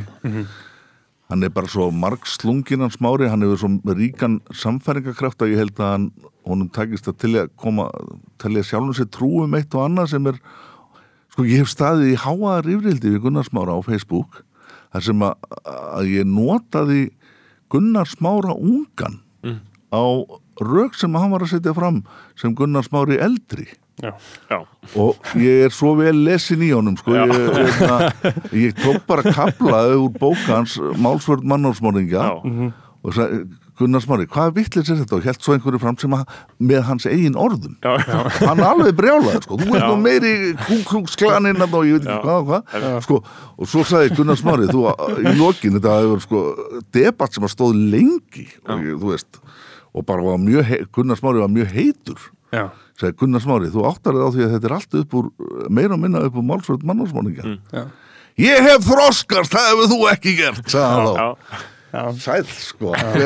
Hversu auðvöldlega er að afgreða þetta sko. Ég, veist, ég er mjög áfram um það að menn leifi sér að skipta um skoðanir sko. Þetta var svolítið mikið þegar hann var komin í háa reyðrildi Já. við sjálfan sig. En, en, en ég meina, þú, þú, þú, þú, sagðir svolítið góð, þú sagðir að vel lesin í honum. Ég meina, hvernig, já, aðna, þú veist? já, já, já hérna, en sko það sem ég ætla að segja með Gunnar Smára að sko honu þykir nú sjálfsagt ekkert mjög þægilegt að, að hérna að heyra þetta, orðin þessi verkalýsleitói sem hann er orðin en sko hann er að tala um sko, sko ég held að fáir hafi gert þessari stjætt eins mikið óleik launalega og Gunnar Smári.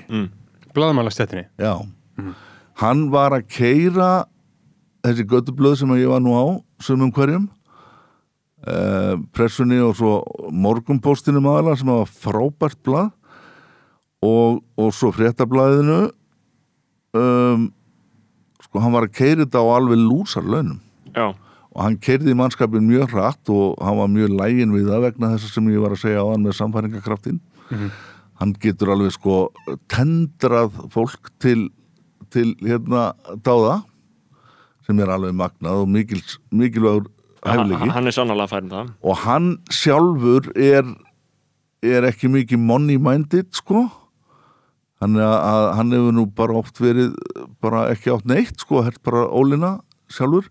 En það eru svona menni svo hann og mikið líka svolítið þannig að þeir lífa sjálfum sér ekki og þá er svolítið erfitt fyrir þig að vera að draga lappirnar Já, eða vera að standa í einhverju kjarabaróttu ég veit ekki hvað ég er búinn að, að, hérna, að vinna marga ógreita yfirvinnutíma í tengslum við fjölmjörnrestur skunnarsmára og reyndar og, þú veist, og það, það er ævintýralegt já, já, mitt Me, me, me, meinur þá hann og Mikael Torfason eru þá svona með svona mikið eldmóð og þeir vinna sjálfur 14 tíma á dag, þannig að þú fær ekkert að segja sjálfur að, að, að þeir eru tilbúinir að algjörlega pína sig og gera ráð fyrir Já. allir aðrir já, gera líka. já, já, já, Já. já. Og, og ég er alveg fullir eldmóðs og það er alveg óbóðslega gaman að vinna með svoleiðis mönnum. Og Gunnar Mhm. Smári er alveg einstaklega hugmyndaríkur blaðamaður. Mhm.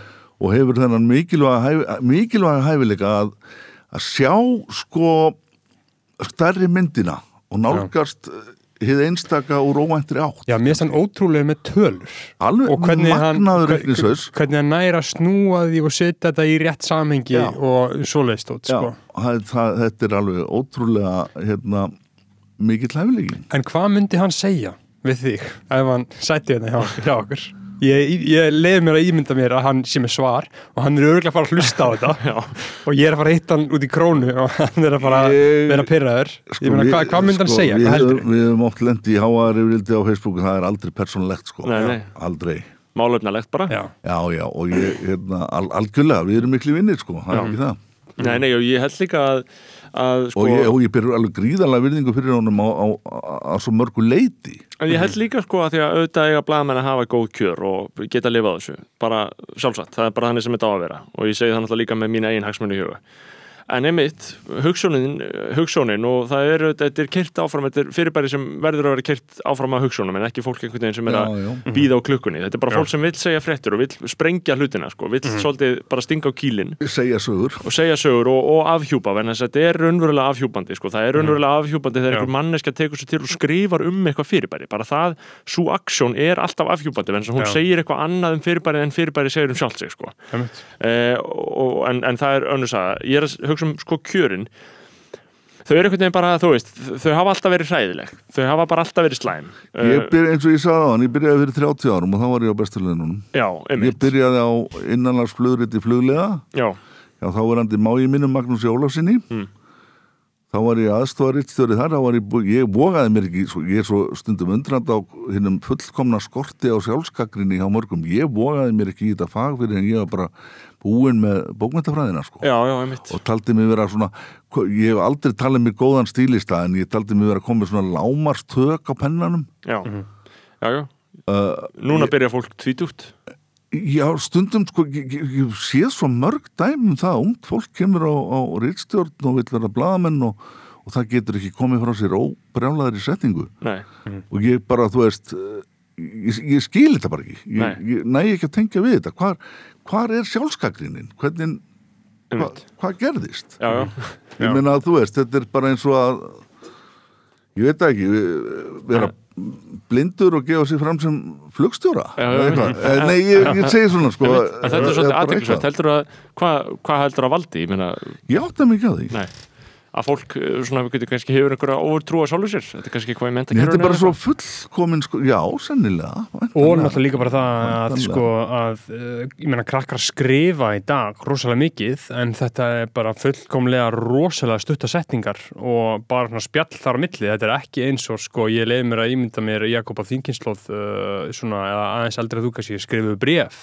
og þú veist, þú þurftir að tjá þig einhvern veginn í svona löngum Já, já, já. texta og sitja í samengi Já, já. og hafa bara, bara eingang megin má loka orð veist, í venjulegu lífi, venjulegu tjáningu Já. núna eru krakkar sko núna er stitta þér allt þú veist, nennirðu Já, já, er já. enn enn Já. það er bara svona þú veist, Já. það, það, það, það er bara skrifað Já. og þú veist, þetta er allt uh, bara setningar, setning, setning, setning já. en þetta er ekki setningar saman En svo á móti kemur og, og hérna, þetta er bara svo fragmenterað ég, eins og ég var að tala um áðan þessar krakkar sem hafa verið verið að starfa með mér á vísi þetta er alveg ótrúlega flinkir krakkar sko, ég bara, þú veist fljótir að fatta Mhm. og bara fín í íslensku. Þannig að þetta er ekkit þetta er ekkit, er ekkit gegnum gangandi stöku dæmi. Já. fólk sem kemur inn á ristjótt og bara kann ekki að skrifa.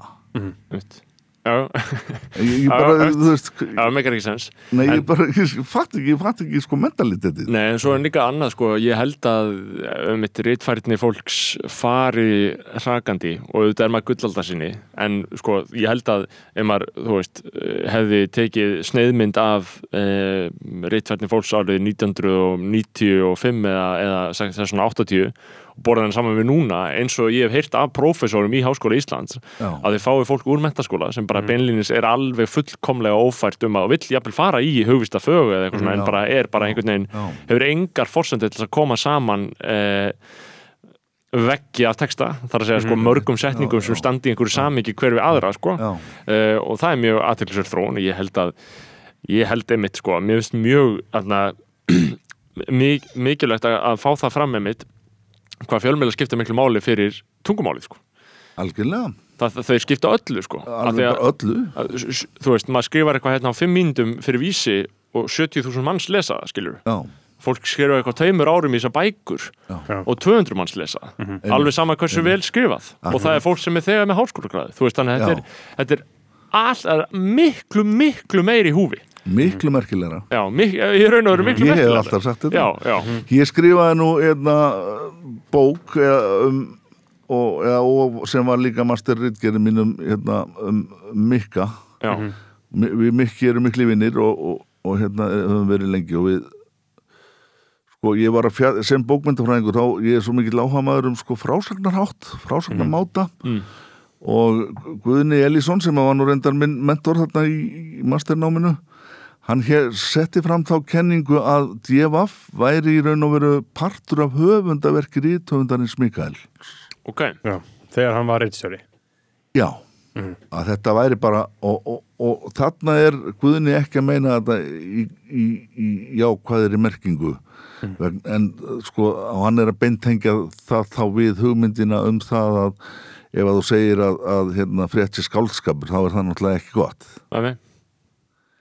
En ég fór með þetta svolítið lengra sko og ég hef lesið, verið að lesa Umberto Eco sem að vil meina það bara um leið og pennin snertir blaðið þar hefst túlkun einhvers konar túlkun Já. þannig að mörkin á milli og, og við getum líka að skoða postmodernisman í þessu þar sem að mörkin milli raunveruleika og skáldskapar Já. eru orðin rosalega blurri Mhm. Við sjáum oft bara engan mun á þessu Einmitt. og við sjáum þetta í þessum alter ego uh, típum sem að spruttu fram Jón Gnarr og Silvíja Nótt og. Gilsenegger og svona þetta er mjög aðtilsverð postmodernísk fyrirbæri í raun og veru þar sem að mörkin millir raunveruleika og skálskapar verða engin og ég fór svona svolítið að reyna að skoða sko frásagnarháttin í, í, í, í skáldsögunum hans mikka og svo bara uh, hvernig þarf þetta endilega að stangast á. Já, getur þetta ekki, er ekki hugsanlegt að þetta farið saman? Því að mikið vil meina að hann hafi að verið að færa mikil tíðindi með sinni fyrstu sögu hérna falskur fugg einmitt. Og, og sko skáldskapur þarf ekki endilega að vera lígi en, en auðvitað var ekkert slíkt slíku til að dreifa á djefafa það var ekki verið að að, að, hérna, að passa vel upp á, upp á hérna, Sannleiksgildið. sannleiksgildi, guð minn góður, það er náttúrulega eðsta bóðurði í blaðamennsku og, og, og bara öll eðlileg lögmáli tengslu við fréttaflutin. Já, já, Nema að það var ekki mjög hörð uh, nafn og myndbyrtingastefna sem að á endanum gerði alla alveg snar vittlösa. Sem sagt, bara það væri nefnt, að allir sem við sögu koma í fréttum, þeir eru nefndi með nafni og byrt myndaði með að hún er til. Bara sannleikurinn sagður Sama hver er, já. Já. Þarna er, þarna er neti komið fram. Ég vil ekki meina að það hafa verið á undan, ég vil meina að aðri filmir hafa verið langt, langt á eftir. já, já. Að bara fara í takt við það sem var hægt að gera þegar á netinu og var þegar gert. Nákvæmlega, Já. nákvæmlega. Og þú getur ekki sett fjölmila í þá stöðu með góðum móti að ætlast til þess af þeim að halda upplýsingum frá fólki upplýsingum sem eru komin í hámæli. Um mitt hugsið ykkur stöðuna sem að þið eru að setja fjölmila í. Viljum við þannig fjölmila Þa, Þetta er svona stórförðulegt að þetta sé fyrir einhvern svona eitthvað tebóð sem að er með dreigið fyrir gluggan og segir byrju, já, heyrðu þetta vísir segir nú frá þessu, það ég mér lítur að vera óhætt að lesa þetta, en Já. ég vil ekki vita neitt meira. Já, Fjölmiðlin getur ekki verið í þeirri stöðu að hann ætli sér að halda upplýsingum frá fólki. að það er beinleinis krafanstundum Það er nefnilega skrafan. Já, en, en, en þess vegna til mér sem við tökum bara nærtætt dæmi eins og þannig að þau voru með uh, við vorum með sem sagt, story á Instagram hjá Katalínu Ngogo þar sem hún var svona beint og óbeint að hóta Sölvatryggva sinni hinn á þessu. Uh, og hún var að segja sko einmitt eitthvað ég ætla að þarna, eitthvað, segja frá öllu ef að þú þarna, játar ekki eitthvað hitt og þetta. Og MBL ta- talaði við hana og í raun og veru það sagði hún bara nákvæmlega sama og var að segja Instagram. En það er, það, það er þá auðvitað tekið alvarlegra þegar það er komið MBL en þegar það er Instagram. Meina en það er samt ekki telandi munur. Skiljið, hvernig leggjum við mat á þetta? mér fannst þetta ægileg frétt hjá manganum. Já, hvers Ég þekki Katalínu sko og hérna, ég skrifaði um hana heila bók. mm. ég og Þóraðin Þóraðinsson blaðamaður sem að var nú reyndar við vorum báðir í því en Þóraðin meira að, að, að ræða við hann og vinna við hann að viðtöl sem við síðan byggðum bókin á þetta er saga hennar Já, um, Katalín er mjög óáreiðanlegur sögumæður, svo ekki sem er að sagt og við Nei. heldum mjög vel utan um það í bókinni hún segir mér sér á einum stað tilvitun hórur ljúa. Með öðrum orðum hún Já. er eins óáriðanlegur sögumæður og hægt er að hugsa sér Mm. e, það er annað með Katalínu sem að menn með að vita það er oft svolítið erfitt að skilja hana hún talar mjög svona einfalda ensku Mm. hún skilur miklu meira heldur en veist Heldur en hún gefur sjálf, sjálf upp Já, já. já. Í fréttinni kom fram að hún hefði verið dæmt fyrir mannsal hún var ekki dæmt fyrir mannsal, hún var dæmt fyrir hórmang Mm.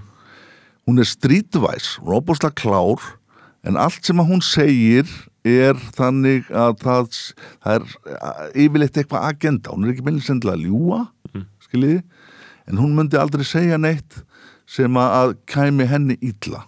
Einmitt. Ég veit að hún var mjög fúl út í sölva út af einhverjum, einhverjum þætti sem hann gerði um Katalínu. Þannig að ég held að henni þykir nú ekkert verra að hefna sína þess á honum. Einmitt, ok Annað sem er mjög mikilvægt og hún, ég talaði við Katalínu áður heldur en þessi frétt byrtist í mokkanum og ég sá að það var bara að var ekkert þetta að gera með þetta. Nei, nei, sem er það og, og, og ég vissi það nú heldur betur fyrirfram að hún er sko verri heldur en kata, katholskur prestur í skriftastól. Hún segir aldrei neitt frá sínum viðskiptum. Nei, nei. hún gerir það ekki og þetta leiður okkur kannski svo að þessum vændislögum sem ég er mjög ansnúin en sem sagt þegar að það var, var þegar að það kom til tals að varst það þú sem að eh, hótaðir að eiðilegja mann og sölva fullir það hér og nú hún skildi ekkert hvað blaðamaðurinn var að tala um. Ekki neitt vegna þess að þetta er ekki til í hennar orðabók. Hún myndi aldrei segja frá sínum viðskiptum. Einmitt, já, já og, og, og það var svo augljóst á þessari frétt að blaðamaðurinn skildi hana ekki og hún skildi hann ekki. Einmitt. eða henni var svo sem alveg sama bara. Já, það sem að gerist náttúrulega er það að þetta bara brenglaði umræðina því það held allir að hún væri önnur kvennana sem að hafði hérna kært. Já, já, já. svo brenglaðist það einhvern veginn og, og þær voru alltaf í nortnar vændiskonur sem þær eru ekki. Já, já, já. og svo framvegis En þetta sýnir- var þvílíkur rugglandi þetta brenglaði svo frásögnina og, það, og gerði þeim auðvitað ekki auðveldara fyrir að koma fram með sitt erindi þessum stúlkum sem að lögðu svo fram kæruna og hendur sölva Nei, nei, þa- þetta þannig að ég bara hrust, ég bara, guð minn góður hvað er, hvað er það að gera? Já, ég, ég, þetta sýnir kannski að það skipti máli að, að við getum treyst fjölmjölum til þess að einhvern veginn að flytja óbrenglaðar upplýsingar á meðan akkurat, alls konar Já. alls konar kjaftaði grasserar innan samfélagsmeiluna Einmitt, og síðan er hann líka bara, þú veist þetta er náttúrulega bara það sem að kannski Jakob þér finnst um kallleginu frá þinni eigin reynslu. Já, já, mér, og það, það, það er náttúrulega bara mismunandi eftir hverjum og einum, blaðmörun MBL skilur við, kannski fannst honum bara kalllegina rosalega skýr ég bara og, tel mig vera í talsvöld betri aðstöðu til þess að nota heldur en hann. Já, já, Já, já. Já, já, þá má það líka þetta vera þannig sko. það, það má bara vera þannig En, en, uh, nei, nei, en ég er að segja einmitt, að þarna hafa það hlutverk að koma fram með upplýsingar sem mm svona einhvern veginn make a sense í því að búa eðlilega frásögnum málið sko. Já, og en eins og vorum að tala um áðan uh, með Mikael Þorvarsson og skáldskapin og allt það, ég menn hann gefur út uh, falsku fugl uh, ára 97 Já. og það er allt bara, þú veist, ég náttúrulega var tveggja ára þá, þannig að ég get ekki talað um hvað var, hvað var verið að segja frá þá, en að mér skilst, þá er þetta bara í fyrsta sinn sem að er bara sagt frá svona alvöru íslensku með einhvers konar undirheima úlinga raunveruleika sem að var, sem að kom mjög sko skemmtilega full circle saman þegar að Mikael Þorvarsson og Gísli Pálmi fóru saman í viðtal á aðna alveg rétt, já útastáttin uh, hip-hop og politík árið 2015 sem, Pó, pó, pó. já, Veitu, hver var, hver sem að var með þann þátt? það, þeir, þeir sem voru með þann þátt, þetta var á vísibunduris sko. Já. ok, uh, þeir sem voru með þann þátt voru Kjartan Alli Kájóð og. Þorbjörn Einmitt. alveg rétt já, alveg rétt maður sko. Eh, Svonur samhýra já, þarna þetta er svo bíluð hugmynd Já, en þetta, þetta var geggja áttur og sem var Erpur og Helgi Hrapp saman líka og, þú veist, og, og Hallgrimur Helgason og MC Gauti. Þetta var, þetta var, þetta var skemmtilegt koncept hjá þeim sko. En þessi þáttu sérstaklega með sko, uh, Mikael Þórssoni og Gísli Pálma.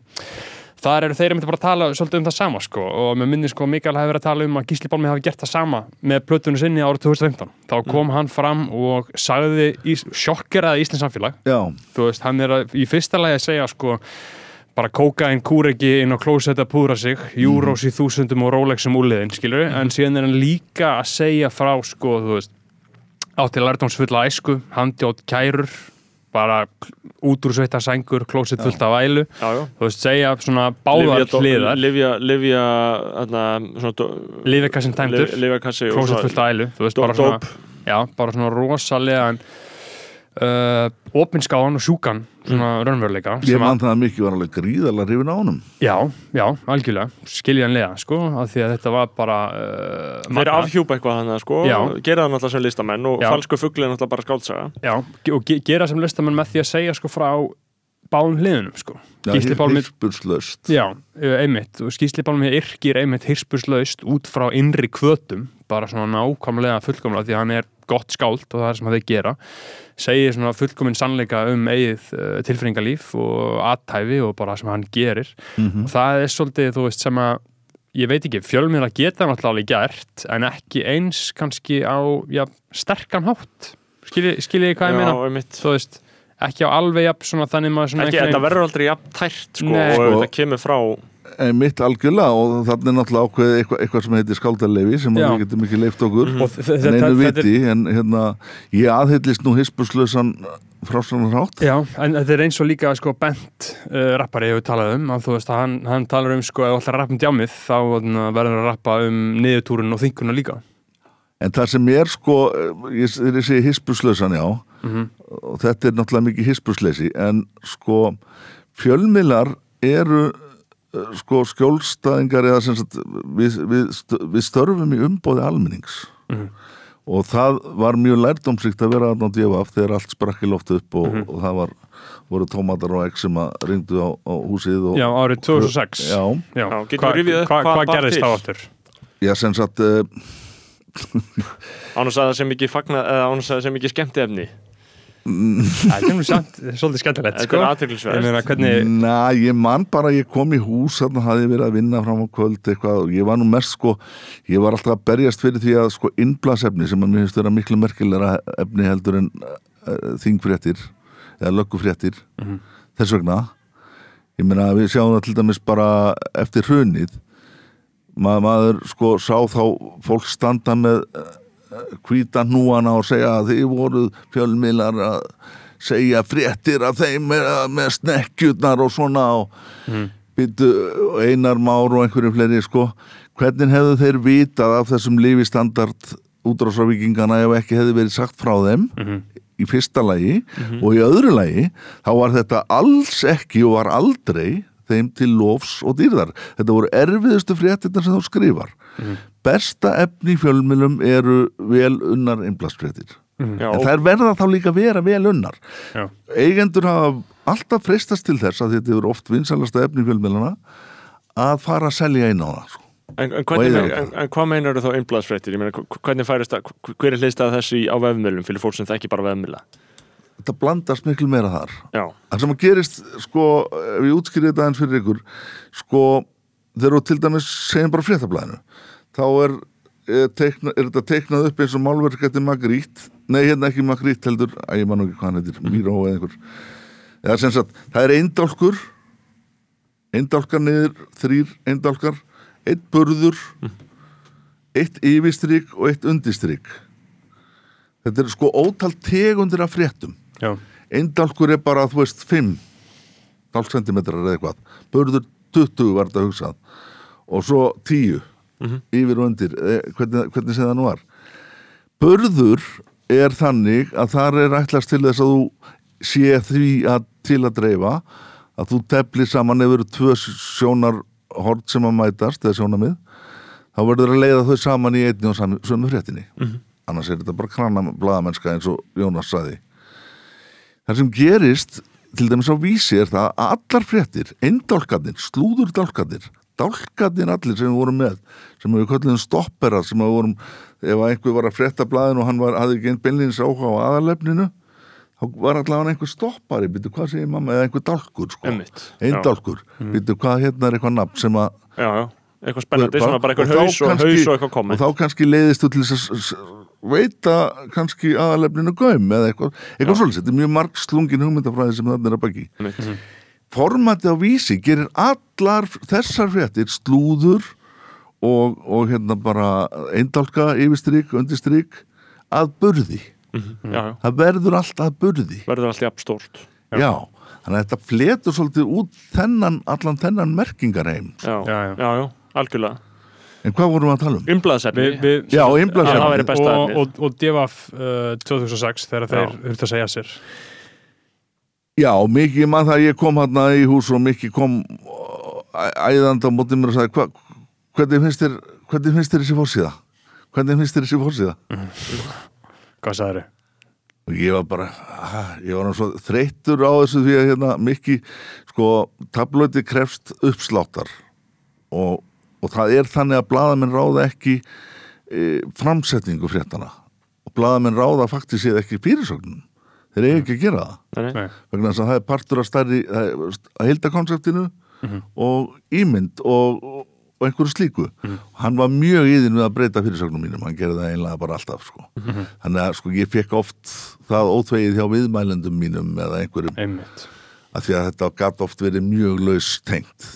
Já, ég sagði bara, ég, ég er ekki bara allt í eða ég, veit- ég veit ekki, ég, ég nenni ekki að pæli því, sagði ég. Já, svo bara magnar spennan þann daginn maður og svo næsta dag og ja, það, svo er bara byrja, byrja svo bara koma allir fjölmiðla landsins að dýrónum, við vorum skapta líð og Heimir Már Pétursson alveg, þú veist, og það þurfti að loka húsinu bara og meina þeim yngöngu Já. og þetta var sko umsáturs ástand algjört og, og eftir að forsíðan að forsíðan byrtist sem sagt sem að- að er náttúrulega lítur þessum nafnumindbyrtingar þessari nafnumindbyrtingarstefnu það var alveg solid frétt. Andri Ólafsson skrifaði hana.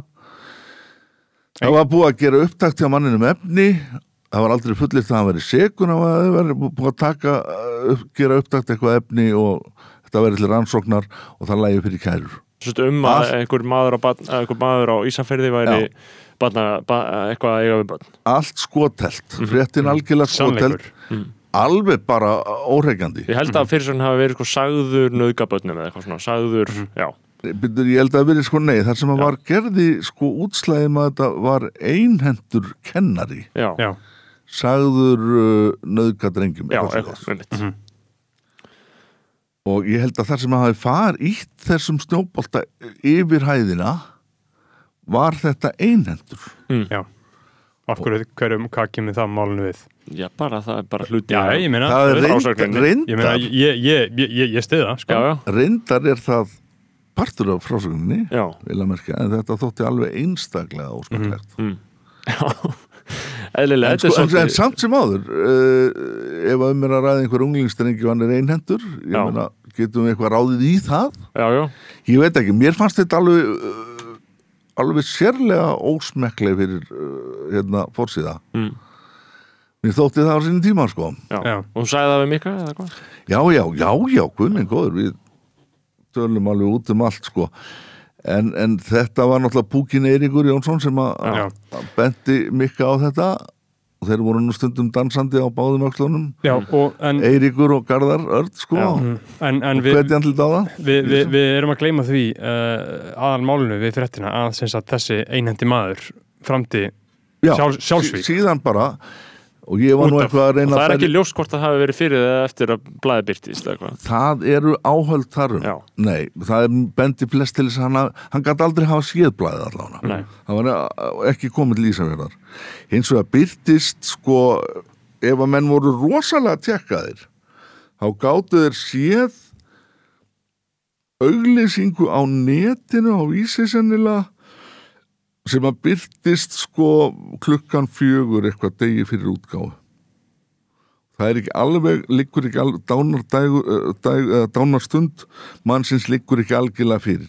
Það er mjög ósannilegt að hann hafi séð það.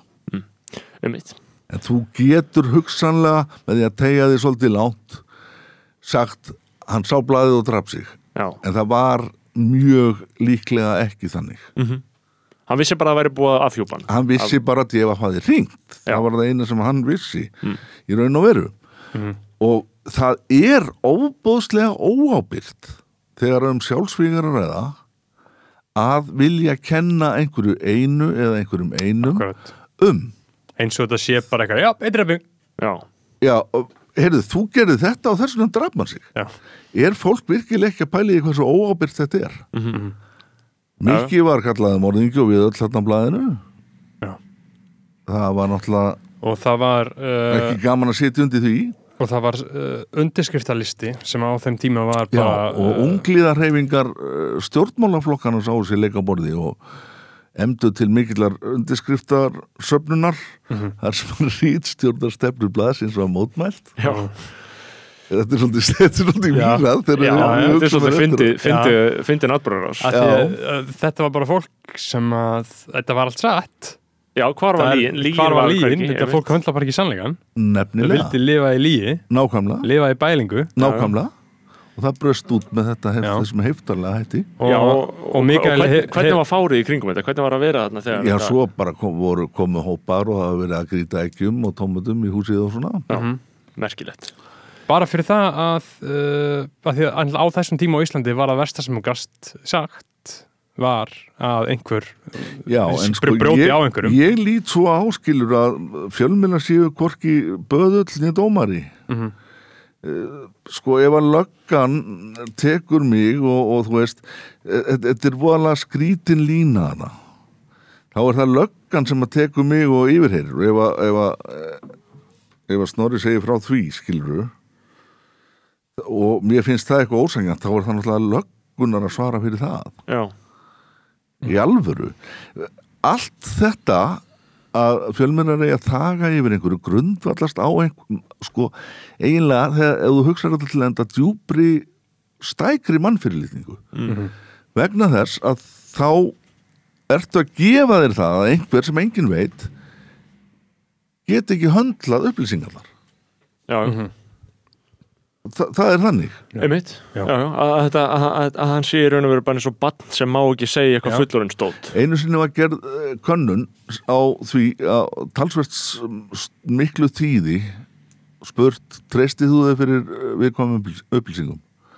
Svarhlutvall var bara 90%. Já, ég kynni það. Sama tíði var spurt, treystir þú náunganum fyrir viðkomum upplýsingum?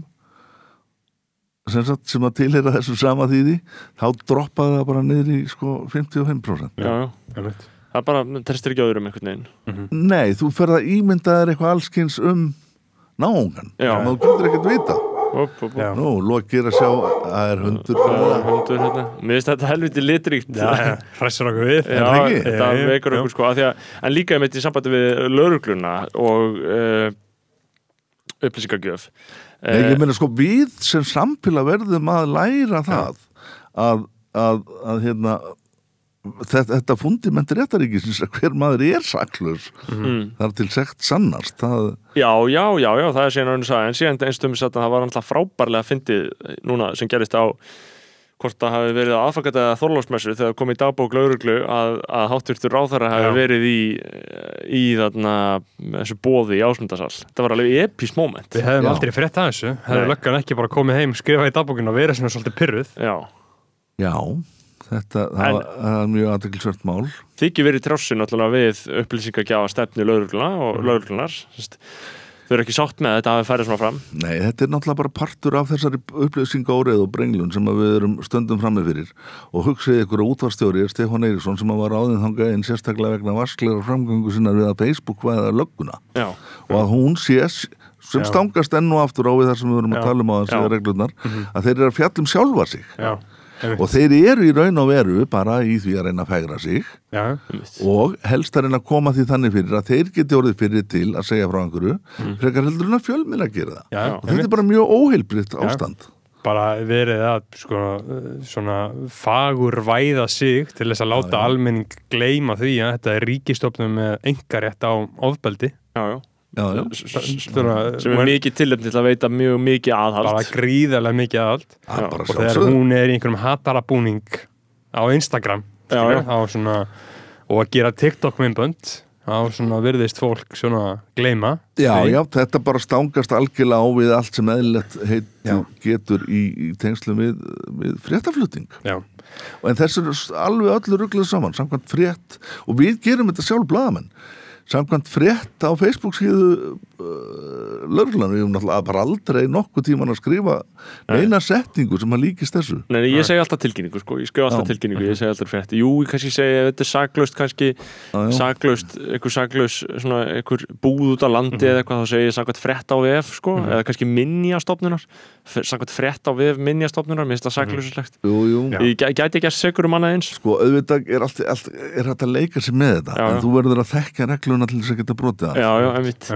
Um, Algjörlega, sko, það er fleira sem ég, þarna, einmitt, langar að ræða. Það, Þetta devafmál var náttúrulega meira og eftir það náttúrulega sannaðist að fjölmjölar eru eins konar og þetta er náttúrulega eins og, eins og þú ert þarna, viðlesin í Gunnari Smára þá er ég náttúrulega viðlesin í þér eftir að þú ert búin að vera hérna, mjög virkur hveruland á Facebook í árum saman. Ég er alveg felst, felst á það sko, Já. hverlandi sko ég eh, mótmæli því ekki sko, þar sem að gera hvernig, sko, og ég hefur einslaði frá fyrstu hendi, hvernig hverlandin verður til sko. Já, það er að hann, hann segir eitthvað telur, vera, telur sig vera að færa gild rauk fyrir Mhm. máli sínu og það kom engin viðbröð hvað gerir hverulandi þá? Já. hann byrjar að endur taka sig Já. í sífellu og ég átta mig alveg á því að það hefur gerst með mig bara alveg bara já, en því segi ég, við erum sko, við erum góð við hverulandana Já, við skulum já. virða þá því að þetta er oftast menn sem hafa eitthvað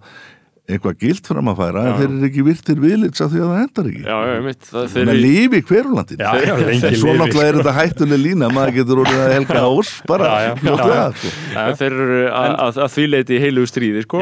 En sko, en ég meina ef, ef, ef við hugsum bara um sko, fjölmi, fjölmiðluna og reynum að svona kjarna, ég meina það það ástand, ég meina við erum að tala um það er uh, ömulegt að vinna í fjölmiðlunum það, finnst það öllum þetta er erfitt, þetta er ömulegt og þú veist, það eru fleiri upplýsingafulltrúar starfandi, ég meina þú veist, ef að það þarf að vel að merkja að ráðast í samantætt á það því, Já. ég held að það sé þannig sko. ég held að sé hannig, já.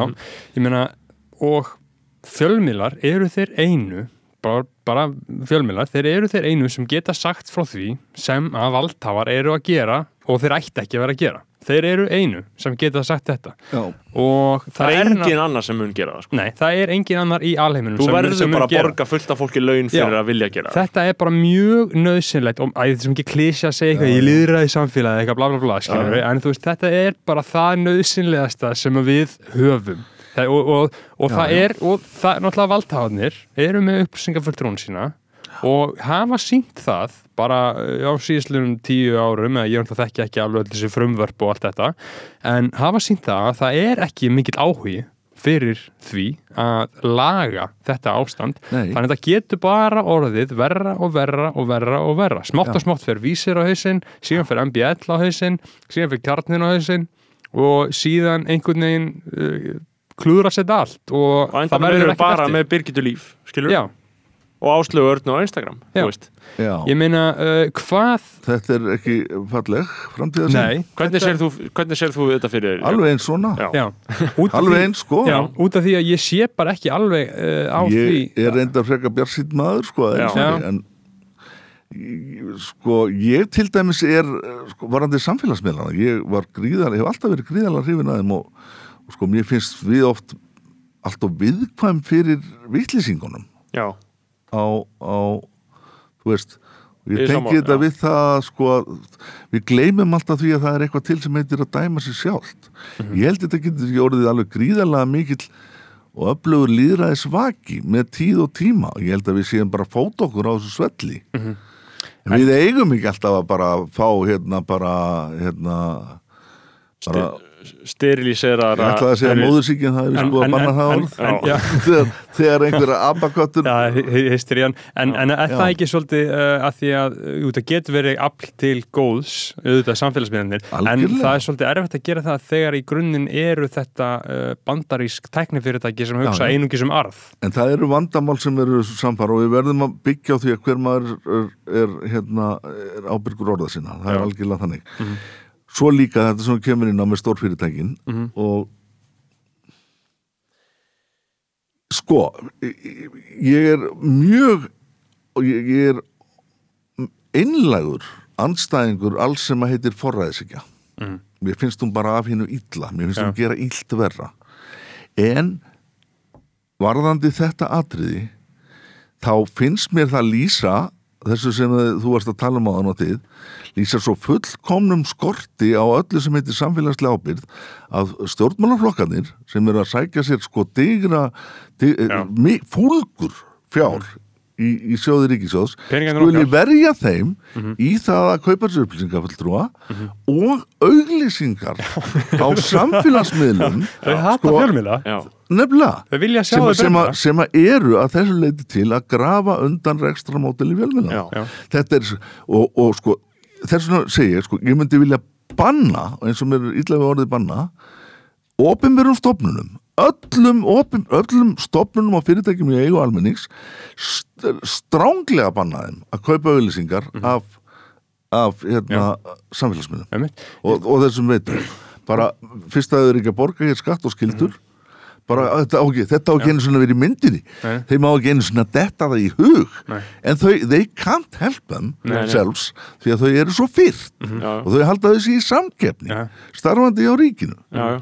Það er nefnilega málið sko Ég held að aðal rauðið þráður nýjus hljótið mitt líka vera sá bara einfallega svona, það er bara svona grundallar prinsipatri hérna, þetta fólk borgar ekki skatta hérna, það er ekki hluti af samfélaginu og þá ætlum við ekki að verja sjóðum almennings fleiri tugum eða hundruðum miljóna úr vasa okkar. Þetta ætti að vera bara Já. fyrirlíkan Já, einmitt. Og við eigum að púa á þá stjórnmálaflokkar sem ætla að fara að eyða þessu fyrir sem eru búin að sækja sér í sjóði til síns reksturs með því að kaupa auglýsingar af Súkeberg við eigum bara, við eigum að benda á þau Mm. og segja, heyrðu þessi, þessi gæi hérna eða eh, þessi kona hún er bara gerilsnitt öllu því sem heitir samfélagslega ábyrgð Já, já. við skulum ekki kjósa svona mannesku Nei. því að hún er að nota peningan okkar til að auglýsa sjálfa sig á Facebook Já.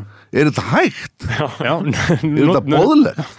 Notar einmitt eins og ég sá að uh, Guðlöðu Þór fer í viðtal í, á frettablaðinu eitthvað um eitthvað persónulegt áfall skilur því að áfall er náttúrulega orðin gjaldniðið til dag og þú veist, fyrir tíu árum þá sagði þér ekki frá áfalluninu en núna bara bara þangað- sko. núna bíður Núna- með það núna á góðum tíma já, fyrir núna kosningar. taktísk notaru Tímaseturðu. í podcast viðtölum og öllu og, helga viðtölum sko, er Ásmundur Einar gerði þetta líka Mist þetta. Einarsdóttir er að gera þetta líka Þór núna bara, heyrðu, ég var ættitur og fyrir þetta viðtal og sér að því á Facebook og bústar það það sem hann segir ég hef aldrei fengi jafn góð viðbröð.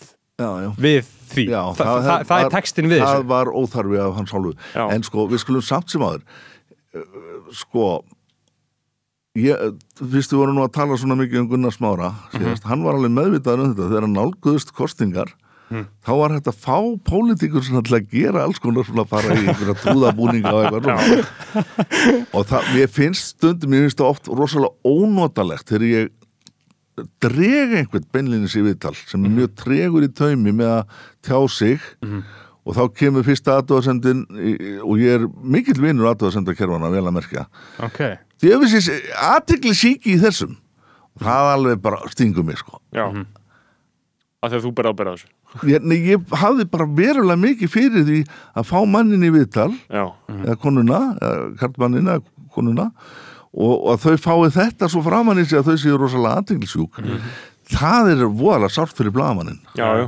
Sko, það er náttúrulega líka uh, þetta kemur líka inn á bara það koncept sem er að fara í viðtal. Ég meina, þetta, mm þetta hefur einhvern veginn sko þú veist, ég, ég er sé fyrir mér einhverja gullöld það sem að sko að fara í viðtal var bara einhverju leiti háskalett aðtæfi, þú veist, Já. þú ferði í viðtal og þú veist ekkert hvað í fjandanum kemur út úr. Þú ræðið við einhvern klikkaðan blaðamann og blaðamæðurinn er náttúrulega bara gegn beiskur og súr einhver gamall blaðamæður og er líklega til alls með,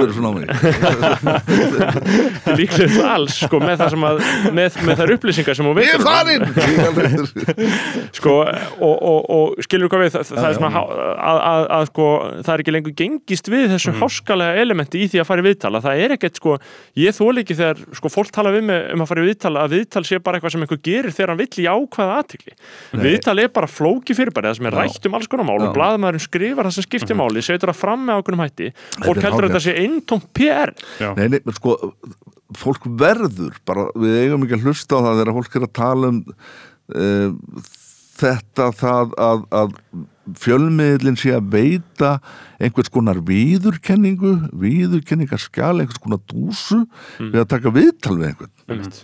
Þetta er svolítið viðkvæðið já, já, ég tek eftir þetta er Akkur er svolítið að taka viðtal við þennan já, Já, af hverju eru að taka viðtal við þennan? Ég, hef, ég veit ekki hvað ég hef, ég hef skrifað þúsundir viðtala í gegnum tíðina. Flestum er ég hundra, fullkomlega ósamála. já, já, Ég færi þetta skilmerkilega til bókar og legg það fram í, í, í krafti þess og í þeirri trú að ég sé að skrifa fyrir vitibóri fólk. Ég á engan annan kost í stöðunni. Nei. Ha, ég er ekki að veita viðkomandi viðurkenningu. Ég er að segja, ég er að segja, byrju þetta eru hans viðhorf, hvað finnst þér um þau? búið Já. já, Og bara, þú veist, uh, oft er það þannig að, að menn er ekkert til að græða mikið að því, sko. nei, nei, einmitt, þú veist. já, já, Það og, hefur betur sleppt í einhver leit Hugsanlega, Já, ég er sömum tilökum og ég, mar, ég hugsa oft sko og ég fæ svona sem mann, manneska sem hefur samúð með uh, öðrum manneskjum þá fæ ég svona, úf, ok, ég er hérna Já. þú ert bara að segja þetta, við erum að taka þetta þú ert að segja þetta, ég fæ, svona miður viðtali bara ekki- hafið það, þú ert að segja þetta. Það er ekki okkar hlutverk að passa upp á viðmælendur. Við, það er alls ekki okkar hlutverk. Einmitt. Og þetta er svolítið, sko, hlustiði á hérna texta Þorstins Eggerssona sem að Brimkló syngur, hérna, ég las það í Samuel. Það er alveg frábær texti. Já, Viðhorinn sem að skí koma þar fram, sko.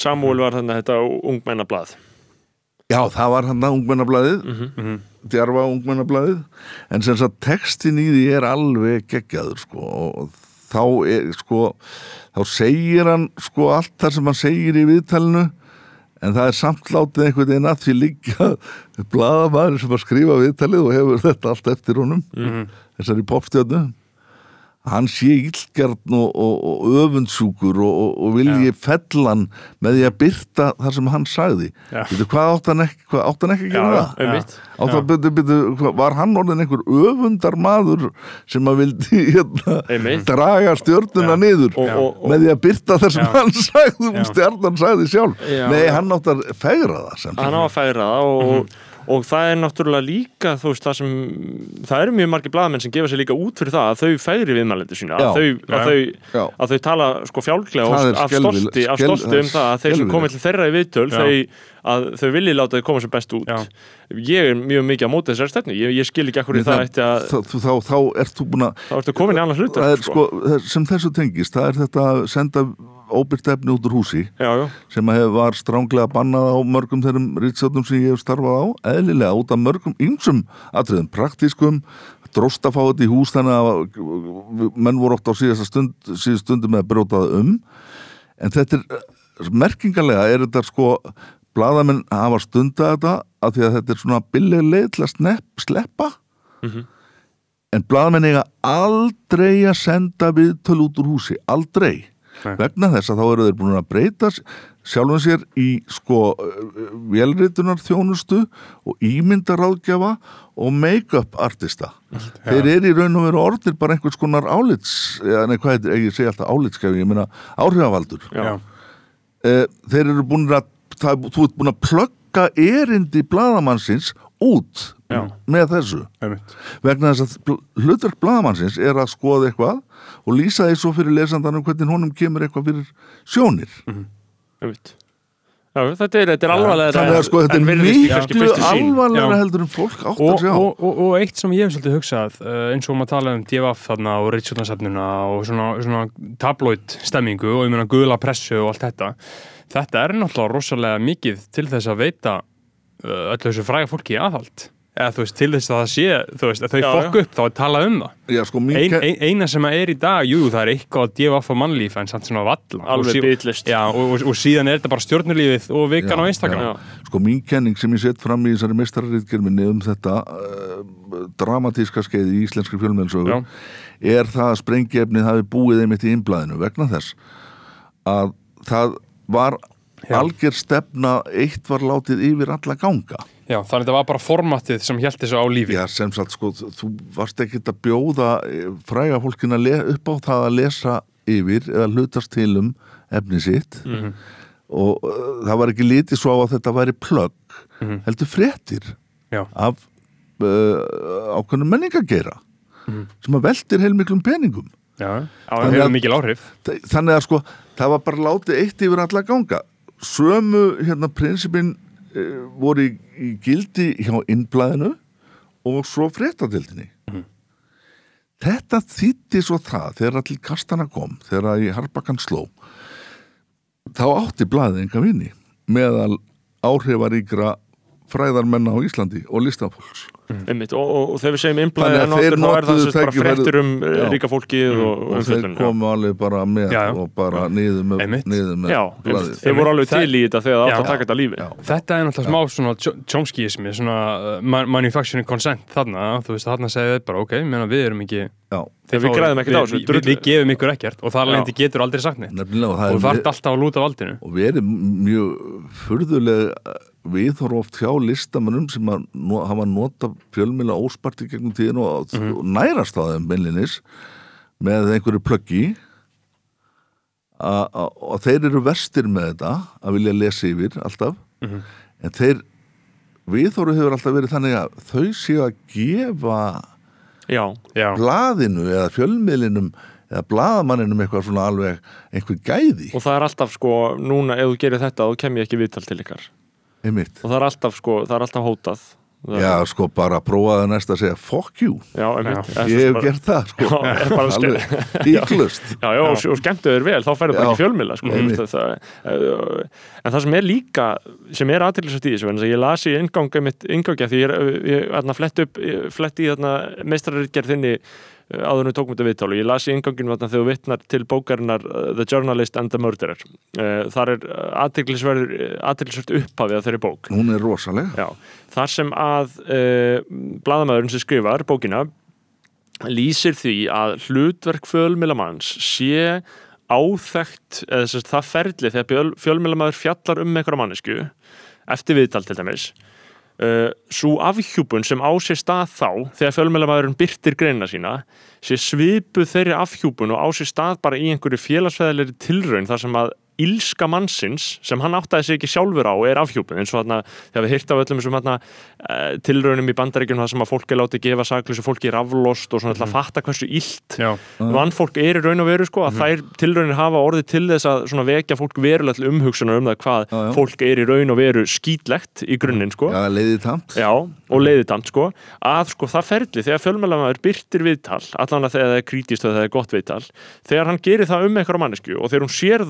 sjálfa sig þá sér hún bara eitthvað nýtt það bara einfallega sko, það bara er eitthvað nýtt hún bara vissi Já, ekki þetta er sko þessi bókina Janet Malcolm fjallar hana um alveg rosalega merkilegt mál. Það var maður sem að var fundin segur eða var kærður fyrir það að var stúta fjölskyldu sinni. Mm. Gríðarlega high profile mál í bandaríkjunum og það var slegist um það að fá að skrifa sem sagt þessa sögu mannsins. Og sáháttur er hafður á að, að einhverju fangar þeir segja sögu sína og fá fyrir það talsveit mikla píð frá mikið píð frá útgáfunni. Mm. það voru ymsir í bóði, hann velur einhvern veginn og, og hann er mikið með honum, ræði við hann heimsækjar hann í fangelsið og blati bla og, og hérna fylgis með réttar höldunum og eitthvað svo leiðis en svo stífir eru þeir á meiningunni með það að vera ekki að láta lesa neitt yfir í bandaríkjónum svo faglega tröstum fótum stendur þetta fag þar hvað þetta varðar að sko ekki einu sinni bók þessi æfisaga hann fekk ekki einu sinni að lesa hann yfir sjálfur Nei. nema það að hann er að trú honum fyrir hín og þessu stólið úr með nöfnum á þessum mönnum Mhm. og en höfundurinn á miðrileg þá sem er að skrifa bókina fer allt í henni að fá það á tilfinninguna að maðurinn sé bara bullandi sikur og viðmælandi hans gerir sér ekkert endilega almennilega grein fyrir því. Svo kemur bara bókin út. Og þá er bara uh, þessi afhjúpun sem þú varst að ræða á þann þá á hún sér, sér stað. Það kemur bara fram bara og það rennur, renna náttúrulega tvær grímur á, á gæjan sem að stóði þessum málaferlum. Að höfundurinn er bara samfærður um sektans Já, já, mitt að þá kemur sko, það getur, það getur einhver annar sagt eitthvað um Já, þig sem þú veist ekki sjálfur. Og það er það sem fólk það líka átt að sjá bara í mannlegu eðli. Að fólk getur sagt eitthvað um þig og þú vissir það kannski ekki sjálfur. Og það er bara kannski alveg satt sko, veist, það, Já, já. og það er náttúrulega það er kannski verra þegar það segir það í fyrsta skipti þegar það er að forsýðu mest lesana vefs, vefslandsins kannski, en það er síðan önnusaga já, já, já, og já. það er náttúrulega líka einmitt þetta er síðilust fyrirbæri að gera þetta yfirleitt sko. já tja, hvernig var að þú ertu með tilvitnuna hana, hún er svo flott já, einmitt að, að sko þarna, ég er með þetta hérna með þess að byttu Blaðamaðurinn sem er ekki þetta er á ensku. Þú ert að vera já, já, já okkar maður á Er- sínum stað. Já, við er passa, passa við vitum að hann er ekki farin sko. Já, já, þetta er hérna every, every journalist who is not too stupid or too full of himself to notice what is going on knows that what he does is morally indefensible. Þetta, er, þetta er óverjandi séðferðilega Já. eh, sko, já, þurfum við ekki að ræða eitthvað meira? Viljum við fá vassopa eða hætta þessu alveg eða? Sko, um, ég væri til í við- stuttan vassopa og klósett og séðan bara klára málið, er það ekki bara flott jú, eina sek, jú, endilega, ég myndi þykja meiri, meiri vökun Já. Já. Hérna. Við erum konar aftur maður með kaffi og vatn hérna á föstudagskvöldi. Getum ekki sérstaklega hressir. Nei, nei. Þetta er óstöðandi hver og langt Þetta er að koma saman. óþrjótandi, óþrjótandi brunnur af, af, af visku hérna Já, sem já. við erum að bera á borð. Einmitt. það er rosalegu léttir að koma út með það að vera þessi hverjuland Já, það er ekki bara Hefur já, já, já, ég meina en, en gott líka að því fylgir réttætting á að þetta sé verðugt verðu Nei, ég er svona, viðleitni. hef reynt að skilgreina þetta fyrir bara leggja það niður fyrir mig. Sem, sem svona auka, auka, auka jobb já, eða jafnvel hlutastarfinu Nei, sko, ég vil alls fjölmjölamæður að vera hver og land? Ég vil alls ekki blend, blanda því saman við, sko, mér er rosalega umhugað um það að reyna að geta hlutlægni og sangirni í mínum skrifum já, gera skýran greinamun á viðhorspislum og fréttaflutningi.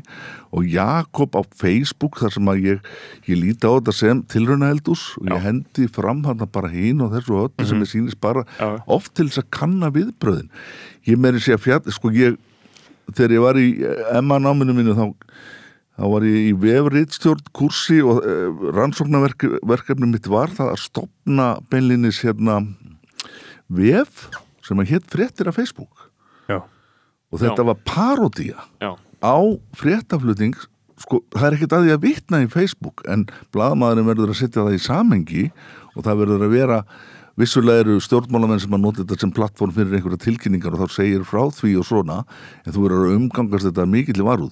Það sem ég hins vegar gerði var að taka eitthvað bara algjörlega rátt eitthvað no news þess vegna Mhm.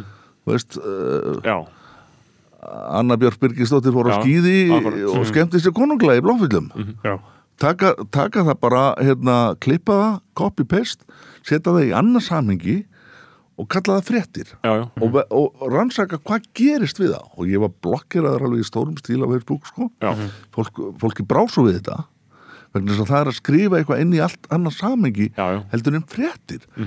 Þess vegna brá mér írónía er mjög vand með farið fyrirbæri eins og ég Já. lærði nú reyndar hjá ykkar en Já, Helgu já. Gress sem að fjallaði nú mikið um íróníu Já, í já.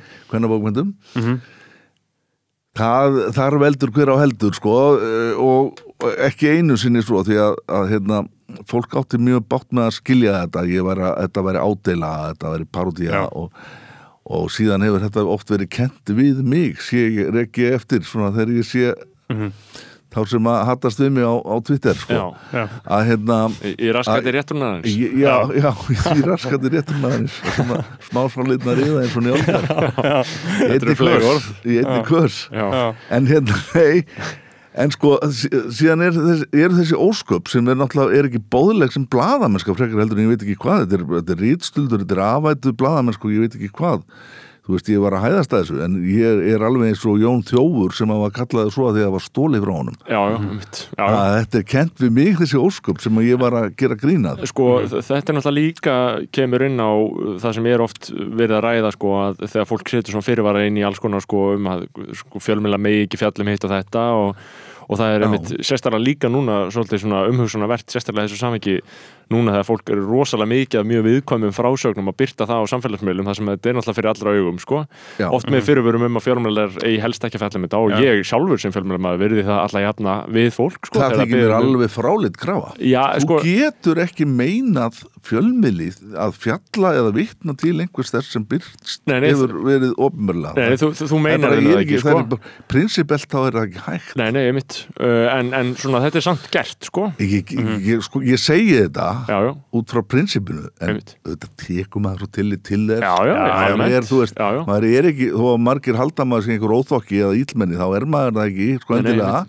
og þetta lítið maður til þess en mér finnst þetta, fer, þessi disclaimer sem margir setja á Þetta fer í á mér líka. þetta fer óbóðslega í mér vegna þess að þetta lýsir svo óbóðslega yfirgengilegum ránkúmyndum stórskaðlegum um fjölmila í samfélaginu algjörlega Já. uh, Sko, við ætluðum að tala um hérna í lókþáttar um hérna, menningarumfyllun já, Jakob, já. þú hérna, uh, Við erum með þetta heilanum sjálfur líka hérna í Já. skólanum, við erum alltaf að tala um Við þetta erum alltaf að tala um þetta. Uh, Jakob, þú hefur reynt að halda út. Ég man, þú tókst, tókst síðasta uh, vetur mjög skemmtileg viðtöl við reythöfunda já, þakkaði fyrir það, þakkaði kærlega fyrir og það það var bara mjög uh, kærkomið að að, það skildi vera gert. Ég þurfti einmitt að rífast við þá marga flesta og, og þeir voru mjög erfiðir sumi hverjir með að vilja lesa yfir viðtalið, ég hafði það alveg skýrt og Alveg klárt. skýrt og bara ekki séns. Ekki séns, Já. ekki séns. Já, bara kemur ekki til greina. Já, Já. um ég lendi alveg svakalegum slagsmálum við Birgittu Haugdal um þetta einhvern tíma þegar ég Já. gerði viðtal við hana. Og Erik Guðmundsson. Já, og já. þau voru bara þau, bara, þau voru ekki fólki sinnandi Nei. nema þau væru í færum með að lesa þetta yfir. Já, þá komum við að þessu sem að ég ég hef eins og ég sagði á hann, ég er bókmyndafræðingur og ég hef, mér hefur alltaf verið mjög umhugað um menningar umfjöllun, ég tel hann að gríðarlega mikilvæga. Og sko fjölmilar og, og bladamenn og rítöfundar hafa alltaf verið tengdir. Og þetta er þetta hliðstætt að einhverju leiti Já. og ég meina að fyrstu bladamennir eru rítöfundar Charles Dickens var til dæmis sko bladamaður mm, já. og, og, meina Þetta er bara svolítið saman, saman Já, Hemingway og svona, þetta eru, sýstur Já, En sko það sem hefur gerst er það að þetta er lang erfiðasta fólkið með það, það lítur svo á að það sé að gefa einhvern veginn fjölmjölum einhver gæði með því að láta, láta taka við sér viðtal sem eru nú oftast bara einhver, eitthvað plögg. Þau vilja stjórna umfjöldunni um sig algjörlega. Það sem gerist við þetta og ég kalla þetta hérna dauðuhönd og, og þetta er það sem ég hef mátt vera að stríða við, að reyna að koma þessu reynlega aftur upp á yfirborðið því að þetta er, núna, þetta er drugnandi og ég hef oft held mér yfir fólk sem ég hef starfað með sem hefur verið að vinna á, á, á menningarsaksjónum bladana sem að lítur á sig sem einhvers konar sendi hérna, menningarinnar og listana fremur heldur en að þeir séu bladamenn mitt þau, þau auðvitað vill þetta fólk vel. Mhm. og, það, og það hefur þetta í hávegum en það er í raun og vera að gera þessu sko óleik vegna þess að þegar þú tekur þetta í gegnum þessa hakavél að þetta verði bara auglýsing bara tilfallandi plögg að þau ráði því hvernig mynd þau gefa af sér og hvernig mynd byrtist af þeim í fjölmilum sem er í raun og vera engin munur á því og hvernig, þau, hvernig mynd og ímynd þau skapa sjálf á samfélagsmiðlum Já, já, mitt þetta þú ert búin Missi fjölmeilin vægið, sko. þú, ert búin að kippa bladamanninum út úr jöfnunni Já, og hann er ronin þjóttn viðkomandi. Já, og Það- við sjáum þetta á tjarpítum. Ég, ég hafði þetta alltaf á tilfinningun og þegar ég fyrir tíu árum byrja á vísi og byrja að mæna mér rauðegan og er búin að mæna mér rauðegan núna í tíu ára á þetta helviti tjarpít á lestra tölutnar sem þá staðfesti, staðfesti það það sem að ég hafði því miður á tilfinningunni að það væri sára lítill áhuga á þessu efni út af nákvæmlega þessu Já, fólk hefur vanist því að þetta sé ódýrt auglýsingaefni og það sé engin bladamaður nærstatur til þess að, hérna, e, til þess að vera einhvers konar vörður á það að listamaðurinn sé að mata lesandan á eigin dásendum. Já. Hver hefur áhuga á svona efni? já En þetta er einmitt það sem hefur Þetta er hræðilegt og þau eru sjálfur, sjálfur sér verst. og þetta er, ef þú opnar menningar dálka eða menningar síður dagbladana þá er þetta ekki endilega eitthvað sem fólk tekur endilega lengur mikið mark á sem alvöru sannleiks segjandi efni sko. Eins og þetta gæti verið gott og mikilvægt efni. Já. En þetta geta listamenn bara ekki skilið. Nei. Þeir vilja ekki skilja þetta. Þeir æpa hvar er lesbókin? Og akkur er ekki fjalla meir um okkur. Og sko alveg fullkomlega sjálfkverft já, en sko heyrist hljóð þegar tríja fellur út í skói og enginn er nálagt um mitt, þetta skiptir einhver máli að lesið enginn. Nákvæmlega. Ekki neinu. Og öllum drull, það, það, sko, það er fólk er ekki meira drullu saman neitt og viðtal við einhvern listamann sem að finnur á því að listamæðurinn var ánæður með viðtali og sko það er líka orðalega sem ég orðið var við hjá líka ungu listafólki. Það segir svona, heyrðu, það væri gaman að fá umfjöllun um þetta.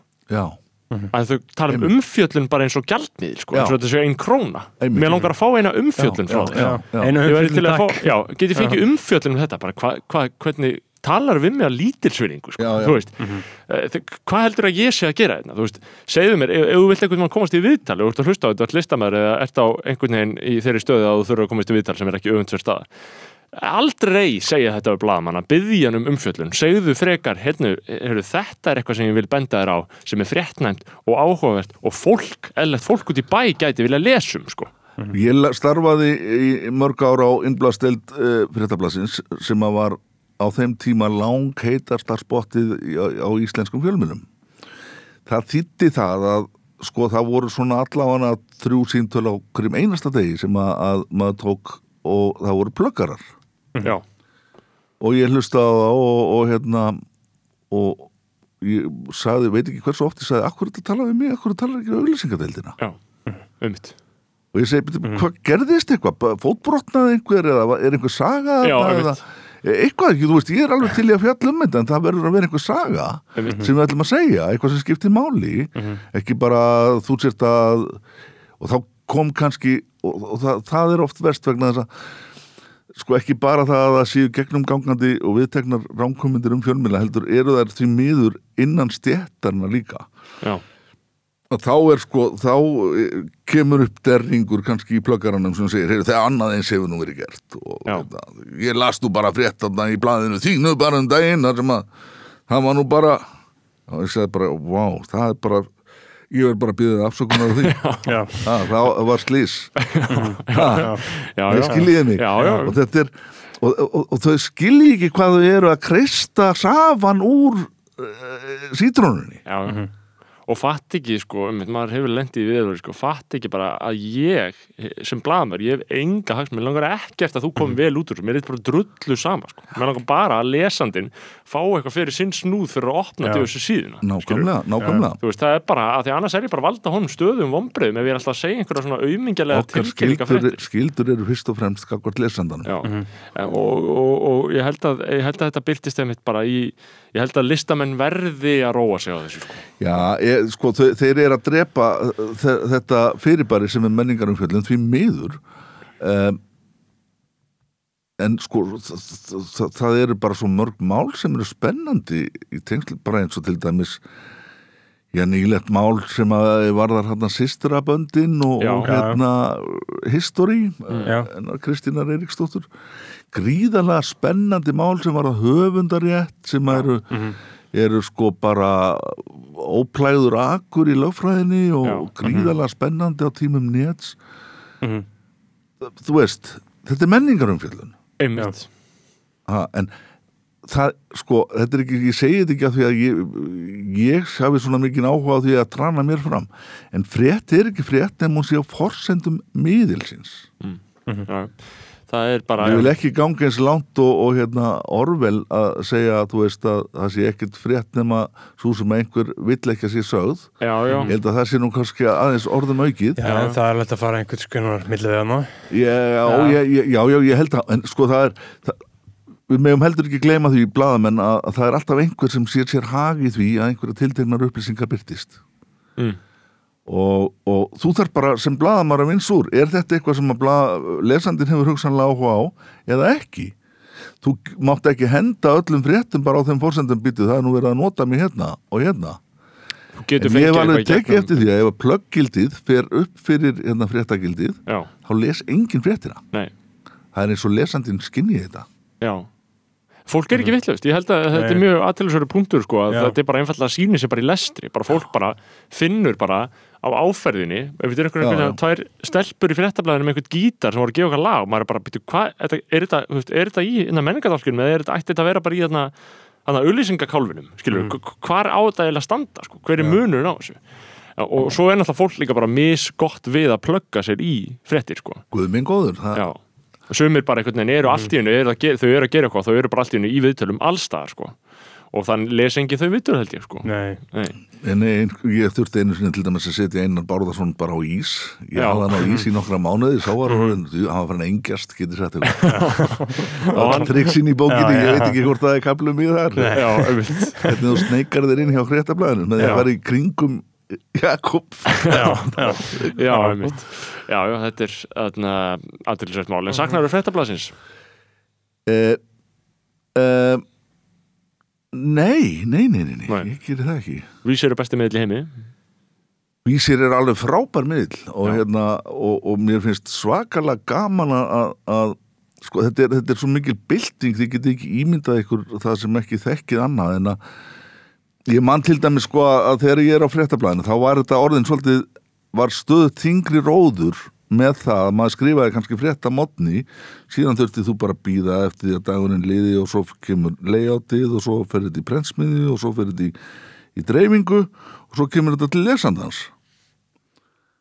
Um, einu sinni skrifaði ég frétt sem að- modni dags og þetta er í, í, í bara árdaga netsins og þá var hann Steingrimur Sævar hérna, held hann úti e, fréttamiðli sem var nú bara einsmanns e, fréttastofa, hann sjálfur sem að hétt fréttir.com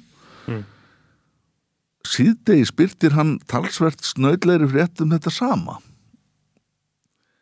Og ég man ekki hvort ég sá hann eða ekki en síðan kemur fréttin bara eftir þetta ferli sem ég var að lýsa. Það er skrifa, það er próförk, það er umbrot það er prentsmiða, það er dreifing. Ég vissi það alveg ég að skrifa þessa frétt fyrir miklu, ég, hafði bara frumheimildir fyrir þessu. Þá sakaði hann um að var stólið fréttin Já. frá sér. Já, einmitt. Þannig að þú veist já, Þetta var erfitt. Hægara. En að geta bara ítt á publish það er alveg ótrúleg bylting. Já og það er einmitt það sem gerir þetta líka svo spennandi vinnu, sko, maður mæti bara og allt í hennum maður kannski bara einum klukkutum að setna bara búin að sprengja interneti með ykkur kjæftaði, sko. Já, já, já, já. Það er, það er adrenalín þetta er, þetta er auðvitað, auðvitað er þetta skemmtilegsta starfi í heimi og Já. það var það svo sem fyrir net líka. Um, já, algjörlega, þetta er óbúslega þú tala við óbúslega marga og þú hefur bara leifi til að forvitnast um hvað sem þér uh, sýnist eða það sem þér listir. Já, Þannig að þetta eru þetta bakterja og, og þú varst nú að lýsa því hérna áðan Berður að þetta væri náttúrulega bara algjört skít, mannþakklátt skítadjóp sem Já, það er öðrum Já, já. træði en þetta er líka skemmtilegst að starfi í heimi. Já, gefandi. Mjög svo. Já, Mm. um, að Algjörlega. öðru leiti þá held ég að við séum búin að tæma okkur ágætlega. Það er eitt, eitt sem ég verða að fá atna, uh, ber skilda til að spyrja út í það er, maður, það er stíl það er stílbræðið sko að byrja setningu en Já. og gera sem komu Ég bara, er þetta ekki þitt, þetta er þitt specialitet? Er þú, þú gerir þetta sko. En koma bara Mér finnst það bara einhvern veginn líka í hrinjandinni já, en svo saðan já, ég, ég, þetta er ekki útpælt. Nei, nei. Þetta er bara eitthvað sem hann kemur algjörlega emitt, en svo Já. mér, mér finnst þetta einhvern veginn bara svona bítmál Já. í raun og veru. Já, já. En þetta er ekkert, ég, þetta er ekkert sem og, að og stundum koma líka sko atna, og ég, ég, eins og ég sagði áðan fyrir ég, þessu spjallokkar, ég hef aldrei litið á mig sem einhvern eh, stílsnilling sko, bara langt, langt í frá. Ég hef alltaf haft hálfgerða minnum átt að kent gagvart því hvernig ég skrifa? Já, ég held að margir sjóna með það. Já, ég, ég er mjög ánægð Það eru mjög margir sem tala mjög vel um ég, stíl. Ég varði, og varði líka. já, og illa. Já, ég mitt, ég varði þig um það Twitter um daginn, sko, það var, það var einhver að svíra þig fyrir að vera smjatta í textanum. Já, það, það, það var að einhver gera sko umhljóð Það, þetta er í raskati réttrúna en það er eftir Já. ekki ég, ég kíki nú mjög sjaldan þar inn sko. Í, ra, í raskati ég, ég kom þér til varnar og sagðist það var gaman að þessu. Já, og þetta væri skemmtilegt, sko. En, en, en Twitter er ekki þín vettangur þannig Nei, sko, Jón Mýrdal, vinnu minn og veiðfélagi til margra ára, hann fann á minna þetta Seymour, mm, já, þess að Seymour, Mór, af því já, að það já. væri aldrei málskrif. já, það var alltaf meira þetta er ekki, Já. þetta er of stutt þetta er of stutt Nei, mér finnst þetta uh, mér finnst, það er þessi herpingslega brandarakeppni eilívar sem að fer svolítið í töðan á mér sko Já. Já, ég meina ég hef eins gaman að brandara á næsti maður sko en Mm. þetta sé alveg krónist allir að sko bara með Herpast saman, já, í og, þú veist, og þetta verður að vera svo mikill rétt rúnaður einhvern veginn og þetta er stöðuar glósur sko, þú, þú veist, mað, ég, þú veist ég finna menn er alveg spenntir sko. Þú veist, og ég bara ég verður svo þreyttur sko við þetta Já, einhvern veginn já. og- og svo er þetta bara, er eitthvað í formatinu þessu, uh, símskeita, þessum símskeita stíl sem býður ekkert upp á mikið annað Nei. Nei. Þú þetta býður ekki upp á hálfa hugmynd hvað þá meira, þetta einmitt. er bara skætingur Já, einmitt. og hérna og, og, og svo er svo skrítið líka sem að mér finnst svo bara þetta er allt undir merkjum góðmennskunar einhvern veginn en þetta umturnast svona yfir í hróttalegt netnýð og eineldi Já, já. Getur gert það. og Já, ég já. bara eh, þú sér þetta ekki eins mikið á öðrum miðlum held ég Einmitt.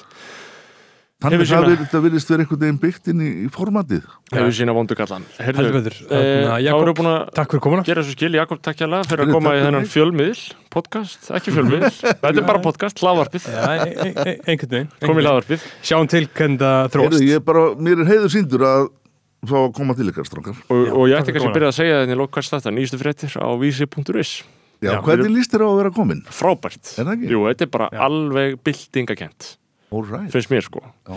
Ræð, be- Meirum það síðar. Já. Ok, Guð, ok. Guð blessi. Um sé bróðir